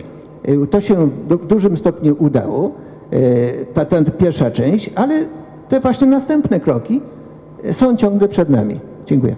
Dziękuję bardzo. Proszę bardzo. panie No, ja byłem wśród tych dwóch, może trzech, którzy mówili w 98 roku, że nic z tego nie wyjdzie. Wyszło na nasze. Ale zgodnie z teorią Józefa Wissarionowicza Dżugaszwili, pseudonim rewolucyjny Stalin, jeżeli fakty przeczą teorii, to tym gorzej dla faktów. Bo to, że tak się stanie, było do przewidzenia wtedy, gdy wprowadzaliśmy ten system. W 1933 roku Ludwik von Mises pisał, że nie trzeba czekać, aż się nie sprawdzi teoria Keynesa, bo można przewidzieć z góry, że ona się nie sprawdzi. Ona się nie sprawdziła. I tak samo było z reformą emerytalną. Ona była oderwana od rzeczywistości gospodarczej i od natury ludzkiej. Bo jak coś robimy, jak twierdził Ludwik von Mises, powinniśmy przede wszystkim wziąć pod uwagę naturę człowieka, bo ekonomia to jest nauka o ludzkim działaniu, o jego skutkach i przyczynach. Więc y, jeżeli mówimy, to już tutaj padło, że reforma emerytalna miała skłonić ludzi do, do dłuższej pracy, no to chciałbym podkreślić po raz drugi, że najlepiej ludzi skłonić do dłuższej pracy wtedy, kiedy w ogóle nie ma systemu emerytalnego, czego przykładem najlepszym są Chiny. Dziękuję bardzo. Proszę Państwa, tradycją debat europejskich y, z Forum Europejskiego są pytania z sali, więc jeżeli Państwo mają jakąś sugestię y, czy, czy pytanie, to bardzo proszę, tylko proszę o krótkie formułowanie. Niestety nie mamy mikrofonu, więc ja będę podchodził i bardzo proszę wobec tego o zbliżenie się, ja Panu udostępnię mikrofon. Tylko prośba o krótką formę wypowiedzi. Dzień dobry, Grzegorz Laskowski, Media Internetowe. Y, Zdanie pytanie krótko. Państwo jest wspólnym przedsiębiorstwem narodu, więc powinno przynosić zyski. Zysków każdy powinien dostać dywidendę od dziecka do starego, od biednego do bogatego. Emerytury są zbędne. Czy się z tym zgadzacie? Dziękuję No, bardzo. emerytura Bardzo to proszę. taka właśnie dywidenda. Też Bardzo dlatego- proszę już o skrót, skrót, Dlatego właśnie w naszym, w naszym e, pomyśle Centrum Adama Smitha emerytura na pewnym e, minimalnym poziomie należy się jak psu zupa każdemu, kto dożyje określonego wieku. Prawdopodobnie 70 lat.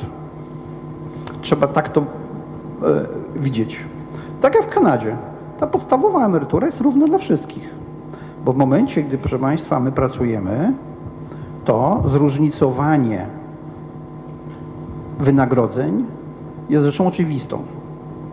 Nasz, e, nasza dywidenda zależy od ilości akcji, a tymi akcjami to jest nasza praca i wartość tej pracy.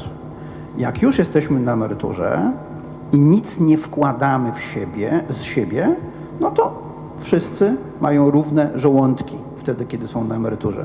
Bo przyjmijmy, czy wróćmy do korzeni. Emerytura jest po to, żeby ludzie na starość głodu nie umierali na ulicy. Więc każdemu porówno, jak skończy 70 lat, a jak chcesz mieć więcej, bo, bo to porówno to będzie minimalnie, jak chcesz mieć więcej, zrób dzieci, dobrze je wychowaj, oszczędzaj. Ale żeby tak ludziom powiedzieć, to nie możemy im zabierać 80% ich wynagrodzenia netto. Dzisiaj y, młodzi ludzie pójdą do pracy, ich pracodawca wyceni, wyceni wartość ich pracy na 3600. Ja wycenię, u mnie w kancelarii. Przyjdą do, po studiach prawniczych przyjdą do mnie do kancelarii, ja powiem, stać mnie na to, żeby za waszą, za waszą pracę zapłacić 3600. No ale wy dostaniecie z tego dwa. Dlatego, że 1600 zostanie przekazane do Urzędu Skarbowego jako zaliczka na podatek dochodowy od osób fizycznych, a reszta do ZUS-u na składki rentowa, emerytalna, zdrowotna. Różnica między wynagrodzeniem netto 2000 a tym, co weźmie państwo, 1600, to jest 80%. Nałożyliśmy na pracę podatek akcyzowy. Pracę opodatkowaliśmy jak wódkę. No i niestety trzeba to zmienić. Dziękuję bardzo. Teraz ja pozwolę sobie tak, ponieważ cała ta dyskusja o OFE została wywołana e, długiem publicznym i tym, e, tą magiczną liczbą 55%. No i jeszcze metodologią liczenia tego długu. E, Czy w związku z tym jest to tak, że e, tak jak to postuluje e, minister Rostowski, że Unia Europejska powinna inaczej zacząć liczyć na nasz dług i naszego zadłużenia, chociażby z tytułu OFE, nie, nie zaliczać, czy też to jest tak, jak mówi profesor Misiąg, że, to, że, gdyby, że całe szczęście, że Unia Europejska nie zmieniła metodologii liczenia naszego długu, bo to jest tak, jakbyśmy nie liczyli długu zaciąganego w piątek, bo tak się, czyli w inne dni byśmy liczyli, a tego, w piątek nie liczymy. To jest opinia profesora Misiąga. Który pogląd jest panu bliższy, panie profesorze? Więc e, ta sprawa była oczywiście przedmiotem dyskusji e, od wielu lat. E, Pamiętam, byłem jako członek Rady Makroekonomicznej przy ministrze finansów jeszcze, nie wiem ile, 10-12 lat temu e, e, rozmawialiśmy na ten temat. E, I tutaj sprawą kluczową jest to, czy otwarte fundusze emerytalne są częścią sektora prywatnego czy publicznego. Po analizie przez Eurostat i inne instytucje uznano, że otwarte fundusze emerytalne są częścią sektora prywatnego. I w związku z tym, e, w związku z tym mm, e, mm, statystyka do długu musi to uwzględniać. Znaczy, jeżeli my przekazujemy środki publiczne do sektora prywatnego, jakim są OFE, no to automatycznie, e, e, jeżeli, jeżeli przekazujemy skarbowe papiery wartościowe, to automatycznie to jest zobowiązanie, które powiększa nasz dług publiczny. Prawda? I to, to jest sprawa pryncypialna. I ja się ja byłem bardzo mocno zdziwiony, że rządy e, od paru lat, znaczy nie tylko ten ostatni bieżący, ale i poprzedni rząd e, zwracały się do Komisji Europejskiej o zmianę metodologii w tej sprawie. To jest sprawa taka zupełnie zasadnicza dla e, statystyki e, euro, ogólnoeuropejskiej. Oni, po prostu nie mogą zmienić, nie mogą zmienić tutaj, bo, bo, bo, się sprzeniewierzyli podstawowej zasadzie, na jakiej opiera się statystyka Unii Europejskiej. Prawda? Więc także, e, także ta, ta, e, po- polski rząd nie miał szans, ani poprzedni, ani obecny w tej sprawie. E, Więc to, to, co można tutaj zrobić, to ewentualnie, i to właściwie komisja zrobiła, mianowicie, że przy okazji oceny tego, czy Polska przekracza, czy nie przekracza em, e, tego kryterium z Maastricht dotyczące deficytu, e, to jakieś ulgi, pewien okres czasu, e, można to można Czyli traktować. metodologii nie zmieniać, ewentualnie... Metodologii nie zmieniać, no można troszkę, można, można nie karać Polski tak bardzo, jak powinno się karać. Ale to karanie, to tutaj wi wi wiadomo, że Komisja Europejska e, m, e, jest bardzo ostrożna z tym karaniem. Wszyscy, wszyscy którzy przekroczyli, mogą liczyć na to, że nie zostaną ukarani. Dziękuję. Dziękuję panie profesorze. Bo jeszcze chciałbym kilka pytań, bo jeszcze mamy dużo zagadnień, a czasu coraz mniej. Panie doktorze, proszę bardzo. Jaki jest pana pogląd na tę sprawę? Proszę nie wyłączać tych mikrofonów, tylko je kłaść po prostu. Krótko chciałem się jeszcze do tego odnieść, no bo wyobraźmy sobie, co by się stało, gdyby Komisja Europejska i Eurostat uznały, że tak, możemy te wszystkie pieniądze, które przekazujemy do OFE, e, zaliczyć do sektora finansów publicznych, więc tego długu nie ma.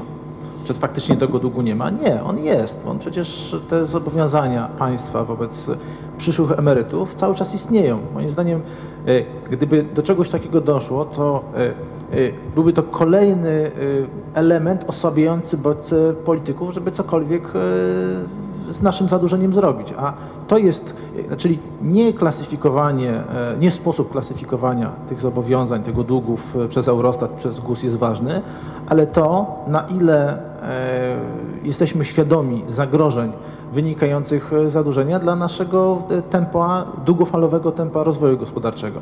Bo są propozycje takie, żeby na- przykład rząd e, nie przekazywał gotówki otwartym funduszom emerytalnym, tylko przekazywał w, w, obligacje, które na przykład byłyby indeksowane do e, tempa wzrostu PKB, e, które nie byłyby przedmiotem obrotu na rynku finansowym, więc w efekcie nie podbijałoby to rentowności tych obligacji. No ale to jest taki, taka proteza tak naprawdę, e, no to by spowodowało, że tego w, na papierze, na, znaczy e, na, rynek finansowy by nie widział tego zobowiązania, albo no też przecież, znaczy częściowo by widział, częściowo nie, bo przecież wie, że tak jak już tu było powiedziane, że jeżeli, e, e, że państwo musi zarówno spłacać te długi jawne, jak i ukryte. Gdybyśmy taki zabieg zrobili i ewentualnie w następstwie przekonali Komisję Europejską do tego, żeby e, no, część tych zobowiązań, e, e, część aktywów OFE, które zainwestowane były w te obligacje inde- indeksowane do PKB, nie była e, długiem jawnym, to prawdopodobieństwo tego, że w końcu e, ograniczylibyśmy e, rozdęte wydatki publiczne w Polsce, jeszcze bardziej by zmniejszyło się i to jest bardzo niebezpieczne, bo z wielu e, badań i doświadczeń wynika, że e, relacja wydatków do PKB w Polsce, kraju, który jest na dorobku, jest e, zbyt wysoka i problemem jest ograniczenie tych wydatków, a w konsekwencji e, no, zmniejszenie obciążeń podatkowych. W przeciwnym razie e, będziemy doganiać e, Zachód e, przez bardzo wiele lat, albo ten Zachód nam w ogóle ucieknie. Dziękuję. Dziękuję bardzo. Doktor Gwiazdowski, proszę. Jeżeli, jeżeli można, to taka jeszcze jedna refleksja. No, e, sposób liczenia długu na, jako sposób zmniejszenia długu. No, to e, aż się ciśnie są, takie- są takie recepty. Kiedyś prezydent czego- Wałęsa mówił, y, nie chcesz mieć temperatury 104 termometr, to no, takie najbardziej Czego radykalne. To, czego, czego to lu- ludzie nie wymyślą dla ratowania OFE, prawda? Już wszystko są w stanie wymyślić. Ale oddajmy sprawiedliwość, to nie minister Rostowski wymyślił.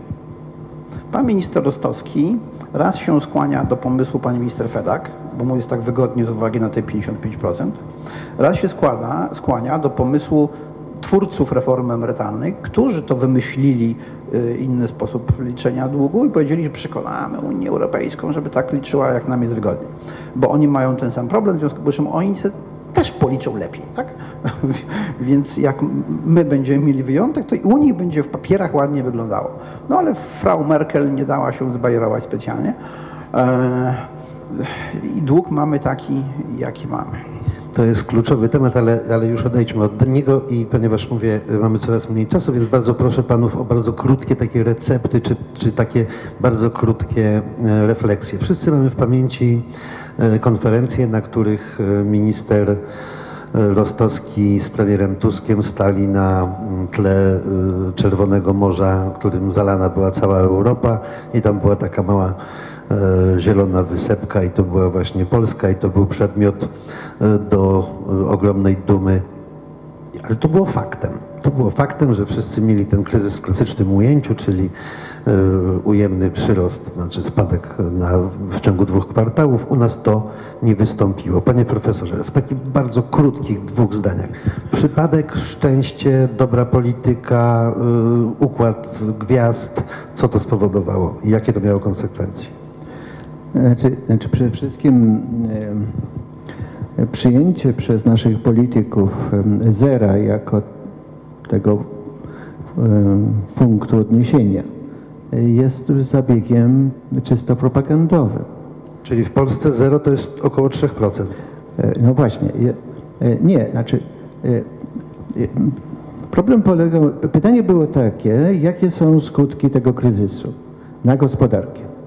To znaczy, jednym słowem, chodziłoby właściwie o em, odpowiedź e, tego typu, prawda, jak, e, jak daleko e, gospodarka została wytrącona ze ścieżki długofalowego wzrostu.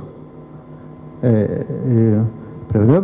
Za, za, e, poruszaliśmy się po ścieżce w tempie gdzieś około 4,5-5%.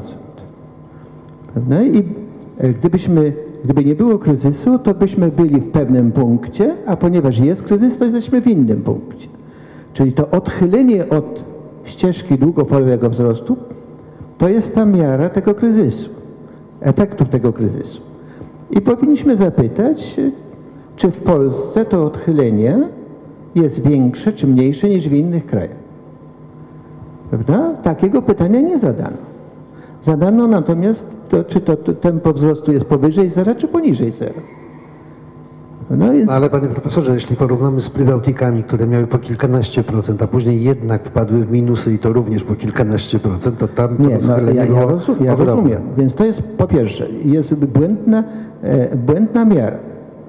Prawda? Więc e, i tu, e, tutaj nawet w jednym z audycji telewizyjnych profesor Kołotko, właściwie e, nie, nie bardzo mi się podoba wiele z tego, co on mówi, ale akurat to porównanie było sensowne. E, e, mówi tak, no jeżeli spadamy na przykład z piątego piętra, to jest 5%, tempo wzrostu e, na, pierwsze piętro, to to jest mniej więcej to samo, co, in, co byśmy spadali z drugiego piętra do piwnicy. Prawda? Więc tutaj ten koszt jest podobny. Bo odchylenie było podobne i w Polsce, i w innych krajach.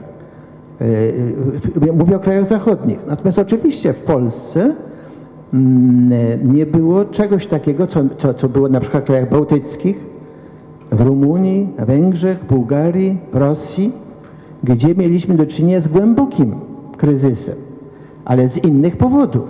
Nie z powodu kryzysu światowego.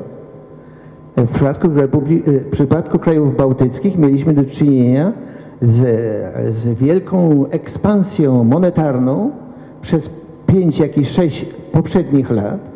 E, I, I w związku z tym tam e, mus, musiało dojść do załamania gospodarczego, nawet gdyby nie było kryzysu światowego.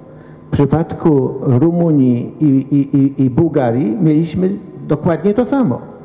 E, wy- Wystarczy zobaczyć, co się działo z zadłużeniem zagranicznym sektora prywatnego w tych, w tych pięciu krajach. Niesłychany, niesłychane tempo wzrostu 30-40% rocznie. E, e, e, w, przypadku Węgier mieliśmy do czynienia z, z bardzo roz, luźną polityką fiskalną przez 5 lat, w latach 2002-2007 i doszło do załamania przed kryzysem światowym. Prawda? Więc to są przypadki szczególne, przy- przypadki szczególne. E, Jeśli chodzi o Rosję, to mieliśmy do czynienia z, z kolei z załamaniem cen surowców i w związku z tym ogromne koszty. E, Ukraina zależy od Rosji. E, Więc też silny spadek dochodu narodowego z racji załamania cen surowców w tym obszarze. No, więc Polska powinna być ewentualnie porównywana z takimi krajami jak Chiny, Indie, Brazylia czy Turcja. I tam oczywiście te tempa wzrostu były całkiem inne, dużo wyższe w całym tym okresie. E, w przypadku Polski zadziałały też e, e, czynniki, które nie wystąpiły w krajach wysoko rozwiniętych. E, Jeden z tych czynników to jest, było silne poluzowanie fiskalne tuż przed kryzysem. E, W latach e, 2006-2008 zaczęło się zarządów PiSu i było kontynuowane zarządów PO. Mianowicie to obniżenie składki rentowej, e, obniżenie PIT-u i, i, i, duża ulga rodzinna. W sumie 40 miliardów rocznie e, e, dodatkowego popytu w sektorze gospodarstw domowych tuż przed kryzysem, więc to oczywiście bardzo mm, e, wzmocniło popyt konsumpcyjny i było czymś w rodzaju takiej poduszki powietrznej.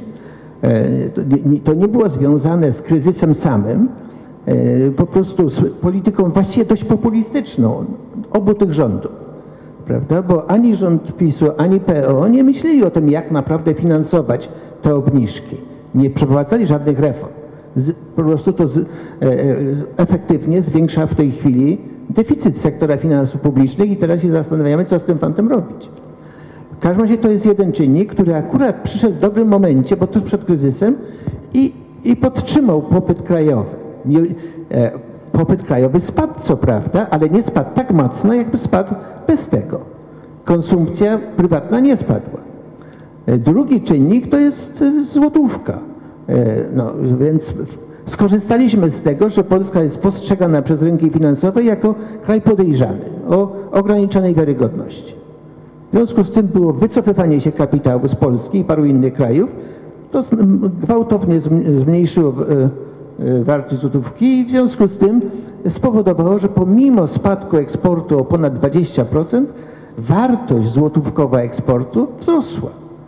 No, zyskowność y, sektora eksportowego była całkiem wysoka. Nie doszło w związku z tym do silnego spadku e, inwestycji i nie doszło do e, silnego zmniejszania zatrudnienia. To, z czym mieliśmy do czynienia w, latach 2000-2002, wtedy, kiedy doszło do silnej aprecjacji złotego. Tym razem nic takiego nie nastąpiło, więc mieliśmy drugą poduszkę, która zadziałała automatycznie. Prawda? Więc ta słabość, że tak powiem, ta mała wiarygodność Polski tu akurat e, się przydała. E, no, i, I to były te dwa podstawowe e, powody e, właśnie tego, że mieliśmy do czynienia e, z- no, z jednak sporym odejściem od trendu, ale nie tak bardzo silnym, e, jak to mogłoby być. Więc utrzymaliśmy się z tempem wzrostu PKB powyżej zera. Ale w dalszym ciągu koszty, koszty są duże i zresztą rząd ma tutaj trochę problem z interpretacją, bo mówi z jednej strony Zielona Wyspa i w ogóle wszystko jest w porządku, a z drugiej strony jednak mamy ogromne problemy fiskalne. E, e, I, i że jednak no, e, efekt w dużym stopniu e, tego kryzysu, prawda? Więc e, próbuję tłumaczyć to, co, co jest złego, e, właśnie tym kryzysem finansowym, a z drugiej strony mówi, że Zielona Wyspa, że jest wspaniale i tak dalej. Więc tu jest e- ewidentna wewnętrzna sprzeczność. Zresztą sam premier Tusk na tej konferencji prasowej, o której Pan mówił, miał z tym problem, bo mówi, e, jakoś nie, nie chciał powiedzieć, bo w odróżnieniu od Rostowskiego, który czas, czasem jest pro, bardzo propagandowy, Jak jest tak dobrze, to dlaczego jest tak źle, tak? to Tusk e, e, e, e, stara się, e, e, stara się czasem myśleć logicznie i, i, i, i, i, prawda, jak mu tam e, mówią, że, że to w Polsce, no może po, polscy przedsiębiorcy są wy, wybitni, to się zaczyna zastanawiać, no, no może, no ale przecież niby we Francji i w Niemczech ma, też są dobrzy przedsiębiorcy. E, to jak, e, e, no ale, ale tutaj i Rostowski i Tusk mówią, no ale my nie możemy mówić źle o polskich przedsiębiorstwach, zapewne są wyjątkowi, prawda? Więc o, to, oni też mieli problem z tą interpretacją tej tak zwanej Zielonej Wyspy. E, Fenomen Zielonej Wyspy to jest bardzo, po, pierwsze właśnie całe to określenie jest propaganda polityczna, a po drugie można łatwo ekonomicznie wyjaśnić. E, No i podobnie zresztą jak ten deficyt sektora finansów publicznych 8%. Problem polega na tym, że to jest w dużym stopniu deficyt w tej chwili strukturalny, no ma niewiele wspólnego już w tej chwili z koniunkturą i że potrzebne są działania mocne, ustawowe, żeby dojść do tego poziomu sensownego gdzieś w okolicy 2% czy 1%. Prawda? I, i, i- w dalszym ciągu nie mamy planu działań w tym obszarze, ponieważ działania ustawowe, zmiany ustawowe są, oznaczają pewien koszt polityczny, na to się nikt nie chce zgodzić. Więc mamy taką sytuację. Dziękuję panie profesorze, proszę bardzo. A Więc może zacznijmy od tej mapki i tej Zielonej Wyspy. E, Zieloną Wyspą to w ogóle byliśmy nie dlatego, że rządowi się coś udało, tylko dlatego, że się nie udało. E, Rządowi się nie udało wprowadzić nas do strefy euro. E, Bo panu premierowi jak leciał helikopterem do Krynicy w 2008 roku, to specjaliści od PR-u zastanawiając się, co powiedzieć, bo odpowiedzieli, no Euro 2012 pada. Tak brzmi, tak, 2012 to kopana, tutaj piłka, a tutaj pieniądz, świetnie będzie brzmiało. No i zabrzmiało jak zabrzmiało. E, No a potem jak już coś powiedziało, to trzeba było zintensyfikować wysiłki. Na szczęście nie jesteśmy w strefie euro, więc zadziałała ta poduszka. Tak? Ta poduszka zadziałała nie tylko i wyłącznie dlatego, że byliśmy mało wiarygodni. Ja obstawiam absolutnie w ciemno, prowadząc kilka procesów, kilku, kilku przedsiębiorców e, przeciwko bankom. Moim zdaniem e, JP Morgan i Goldman Sachs e, celowo, z premedytacją manipulowały kursem złotówki, e, żeby sobie zarobić. Jak już wiedzieli, że moczą w subprime'ach, to szukali e, innych możliwości poprawienia swoich bilansów i wyszło im na to, że e, spokojnie mogą machnąć ogonem, e, zmienią kurs złotego i na tym sobie trochę zarobią. Ale to była ta poduszka rzeczywiście. A drugim czynnikiem, poza tym, że się rządowi nie udało prowadzić nas do strefy euro, więc spadek wartości złotego poprawił nasze wyniki, są ci przedsiębiorcy. Tak, e, e, tak, nasi przedsiębiorcy są lepsi od Niemców, od Francuzów, od Włochów, e, od Brytyjczyków. E, No, żadnych kompleksów, proszę Państwa, wręcz przeciwnie. W 2002 roku przedsiębiorcy ze wschodnich landów niemieckich napisali do rządu niemieckiego petycję, żeby się nie zgadzał na szybkie przystąpienie Polski do Unii Europejskiej, bo oni nie, nie wytrzymają konkurencji z Polakami. No i nie wytrzymują, tak? E, Nie wytrzymują. E, Polskie przedsiębiorstwa w tej chwili zaczynają już, nie bójmy się tego słowa, kolonizować wschodnie landy niemieckie. Wykupują, to nie Niemcy wykupują grunty w Polsce, to Polacy wykupują w Enerduku.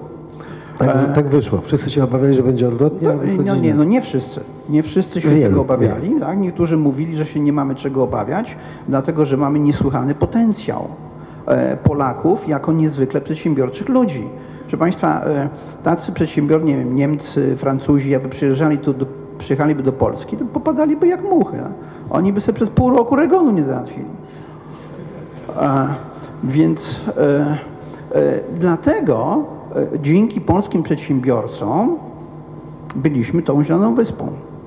Więc jak pan minister z panem premierem się pokazywali na tej tle, prężyli muskuły, to my, to od razu mi się przypominał taki dowcip z czasów no, starych bardzo, bo już kiedyś też ktoś prężył tak muskuły i wtedy opowiadano taki dowcip o takim przedwojennym węglarzu, który wodzem takim e, konnym rozwoził węgiel. Wjechał na jakieś tam osiedle i węgiel przywiozłem, węgiel przywiozłem. E, A koń tak się mówi, no, ty przywiozłeś. E, Więc tym koniem są polscy przedsiębiorcy. Dzięki nim mamy ten wzrost gospodarczy.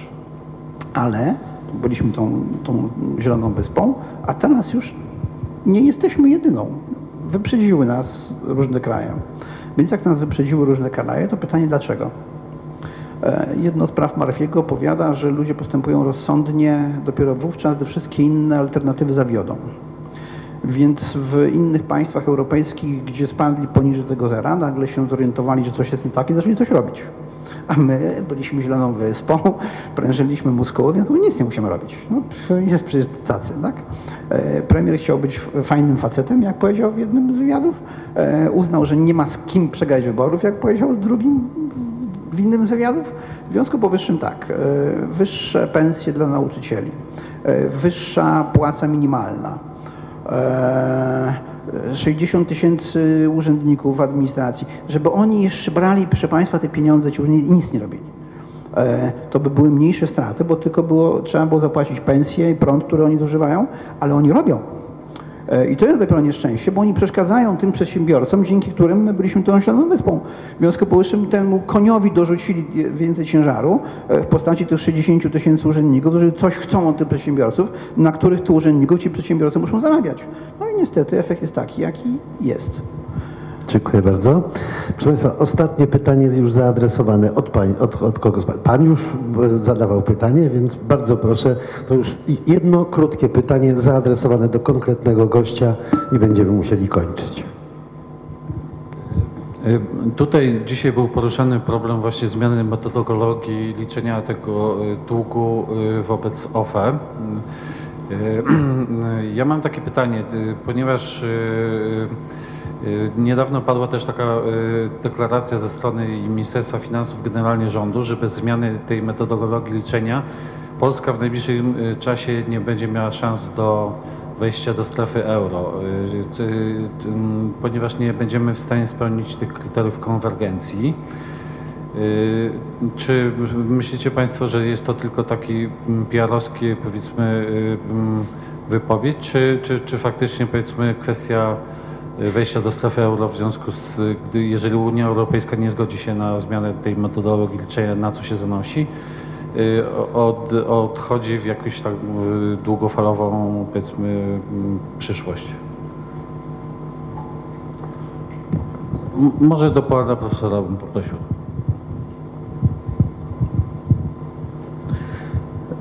Więc ym, ym, w tej chwili ta sprawa liczenia jest y, jak gdyby trochę drugorzędna e, wobec tego, jak rynki finansowe e, traktują polskie zobowiązania. E, No, a rynki finansowe traktują zobowiązania wobec OFE tak samo jak zobowiązania wobec innych podmiotów, które dysponują skarbowymi papierami wartościowymi. E, w związku z tym e, deficyt sektora finansów publicznych, ten w okolicy 8%, mm, e, jeżeli będzie kontynuowany, no to oczywiście będzie powodował, że ilość tych papierów będzie rosła i sądząc po tym, co się stało na Węgrzech, w jakimś momencie, e, w jakimś momencie rentowności żądane przez inwestorów wzrosną, czyli koszt obsługi długu publicznego wzrośnie. Czyli jednym słowem, problemem dla polskiego rządu i dla Polski generalnie jest może nie tyle sprawa kryterium z Maastricht, bo to jest sprawa raczej odległa, ile, i- ile właśnie niebezpieczeństwo dużego wzrostu kosztów obsługi długu publicznego. E, prawda? I, I to jest coś realnego. No, na, na obsługę przeznaczamy już w przyszłym roku blisko 40 miliardów złotych. Je- Jeżeli w tej chwili e, rentowności polskie są powiedzmy dziesięciolatek, na przykład więcej niż dwukrotnie wyższe niż niemieckie, prawda? no to to jest coś e, już realnego, już coś, co, co- działa. Prawda? I tu ryzyko jest właśnie tego rodzaju, że, że to pójdzie w górę. Drugie ryzyko to jest, to jest przekroczenie progu 55%. Em, em, Według metodologii polskiej e, oczywiście, bo polskie prawo tu funkcjonuje, no ale zbliżamy się do, y, do, do tego progu. E, Według danych Ministerstwa Finansów E, Na koniec e, tego roku relacja długu publicznego do PKB wyniesie 53,2, ale według metodologii Unii Europejskiej 55,4. To znaczy według metodologii europejskiej już byśmy przekroczyli. Różnica właściwie bierze się stąd, że metodologia europejska wlicza do długu publicznego również dług, dług e, funduszu drogowego. E, e, e, Więc to jest jeszcze jedna sprawa, która różni Polskę od Komisji Europejskiej czy Eurostatu. E, Tak, tak, e, e, ale, ale to jest niewiele. Głównie chodzi o, o, o fundusz drogowy. E, W każdym razie e, e, tutaj oczywiście jest jeszcze jest możliwość jak gdyby obrony, takiej obrony nazwijmy to czysto politycznej. Mianowicie możemy sobie zmienić prawo e, e, i, i powiedzieć, że, nie, że to przekroczenie e, nie, nie ma tych konsekwencji. Tu to które- trzeba już konstytucję, bo to jest nie, nie, nie. Konstytucja, konstytucja dopiero mówi o 60%. Więc możemy, można zmienić ustawę o finansach publicznych i usunąć e, e, e, te zapisy, zapisy dotyczące 55% e, i właśnie powiedzieć, że dopiero przy 60% e, e, różne rzeczy się dzieją, natomiast nie przy tych 55%. No ale Także w tej chwili wydaje mi się, z mojej perspektywy w każdym razie, największym zagrożeniem bezpośrednim to jest sprawa m, po prostu kosztów obsługi długu publicznego. No, jeżeli natomiast chodzi jeszcze o datę, no to e, datę wejścia do strefy euro, no to y, ona jest, jest pod ogromnym znakiem zapytania, no bo musimy, musielibyśmy mieć jakiś program e, redukcji deficytu z blisko 8% do gdzieś w okolicy 2%, o jakieś 6 punktów procentowych. To jest bardzo dużo. E, Minister finansów twierdzi, że ma coś w rodzaju programu, że, że w roku 2013 już będziemy spełniać kryterium z Maastricht, E, prawda? No ale e, wiele zapowiedzi e, tego rodzaju słyszeliśmy ze strony rządzących, więc ja tu mówię, często używam takiej formuły, że rząd posługuje się czasem przyszłym niedokonaniem. Wie- Wiele rzeczy zrobimy w przyszłości. To zrobimy, tamto zrobimy, tamto zrobimy i tak dalej, prawda? Ale nie ma programu realizacyjnego. Dziękuję panie profesorze, bo już musimy kończyć. Panie doktorze, to rozumiem jeszcze dwa zdania podsumowania, tak? Chciał pan, bo Ja chciałem tylko mikrofon. powiedzieć, że bogactwo narodu nie zależy od koloru farby, jakim zadrukowany jest papier, będący w danym kraju oficjalnym środkiem płatniczym. W związku z powyższym, czy tam euro, czy nie euro, e, to nie ma specjalnego znaczenia. Proszę zwrócić uwagę, że teza, a prioryczna teza, że będziemy mieli euro, będziemy mieli szybszy wzrost gospodarczy, znowu przeczy faktom, bo jak wprowadzono euro, to strefa euro rozwijała się wolniej niż Wielka Brytania, gdzie nie było euro, Polska, gdzie nie było euro, Słowacja, gdzie nie było euro, e, Litwa, Łotwa, Estonia, gdzie nie było euro. E, A zatem od tego, że będzie euro, nic się specjalnie e, z punktu widzenia gospodarczego nie zmieni, więc ja bym się nie, nie, nie spieszył. Nie mówiąc już o tym, e, że jak dzisiaj słyszę, że już nie w 12, tylko w 15, to się pytam, czy na pewno będzie jeszcze strefa euro? Bo może na te wszystkie bailouty nie podatnikom niemieckim może nie starczyć cierpliwości, żeby Dziękuję te wszystkie długi. Dziękuję bardzo. Proszę Państwa, ja widzę, że tak się ten nasz panel potoczył, że y, zbytniej dawki optymizmu to my Państwu nie dostarczyliśmy, ale mam nadzieję, że dostarczyliśmy troszkę wiedzy, a przede wszystkim, że przekonaliśmy, że debata, dyskusja o ekonomii, o gospodarce może być interesująca, pasjonująca i budzić takie prawdziwe y, różnice zdań. Ja dziękuję Państwu serdecznie, dziękuję Panom serdecznie, podziękuję naszym państwom.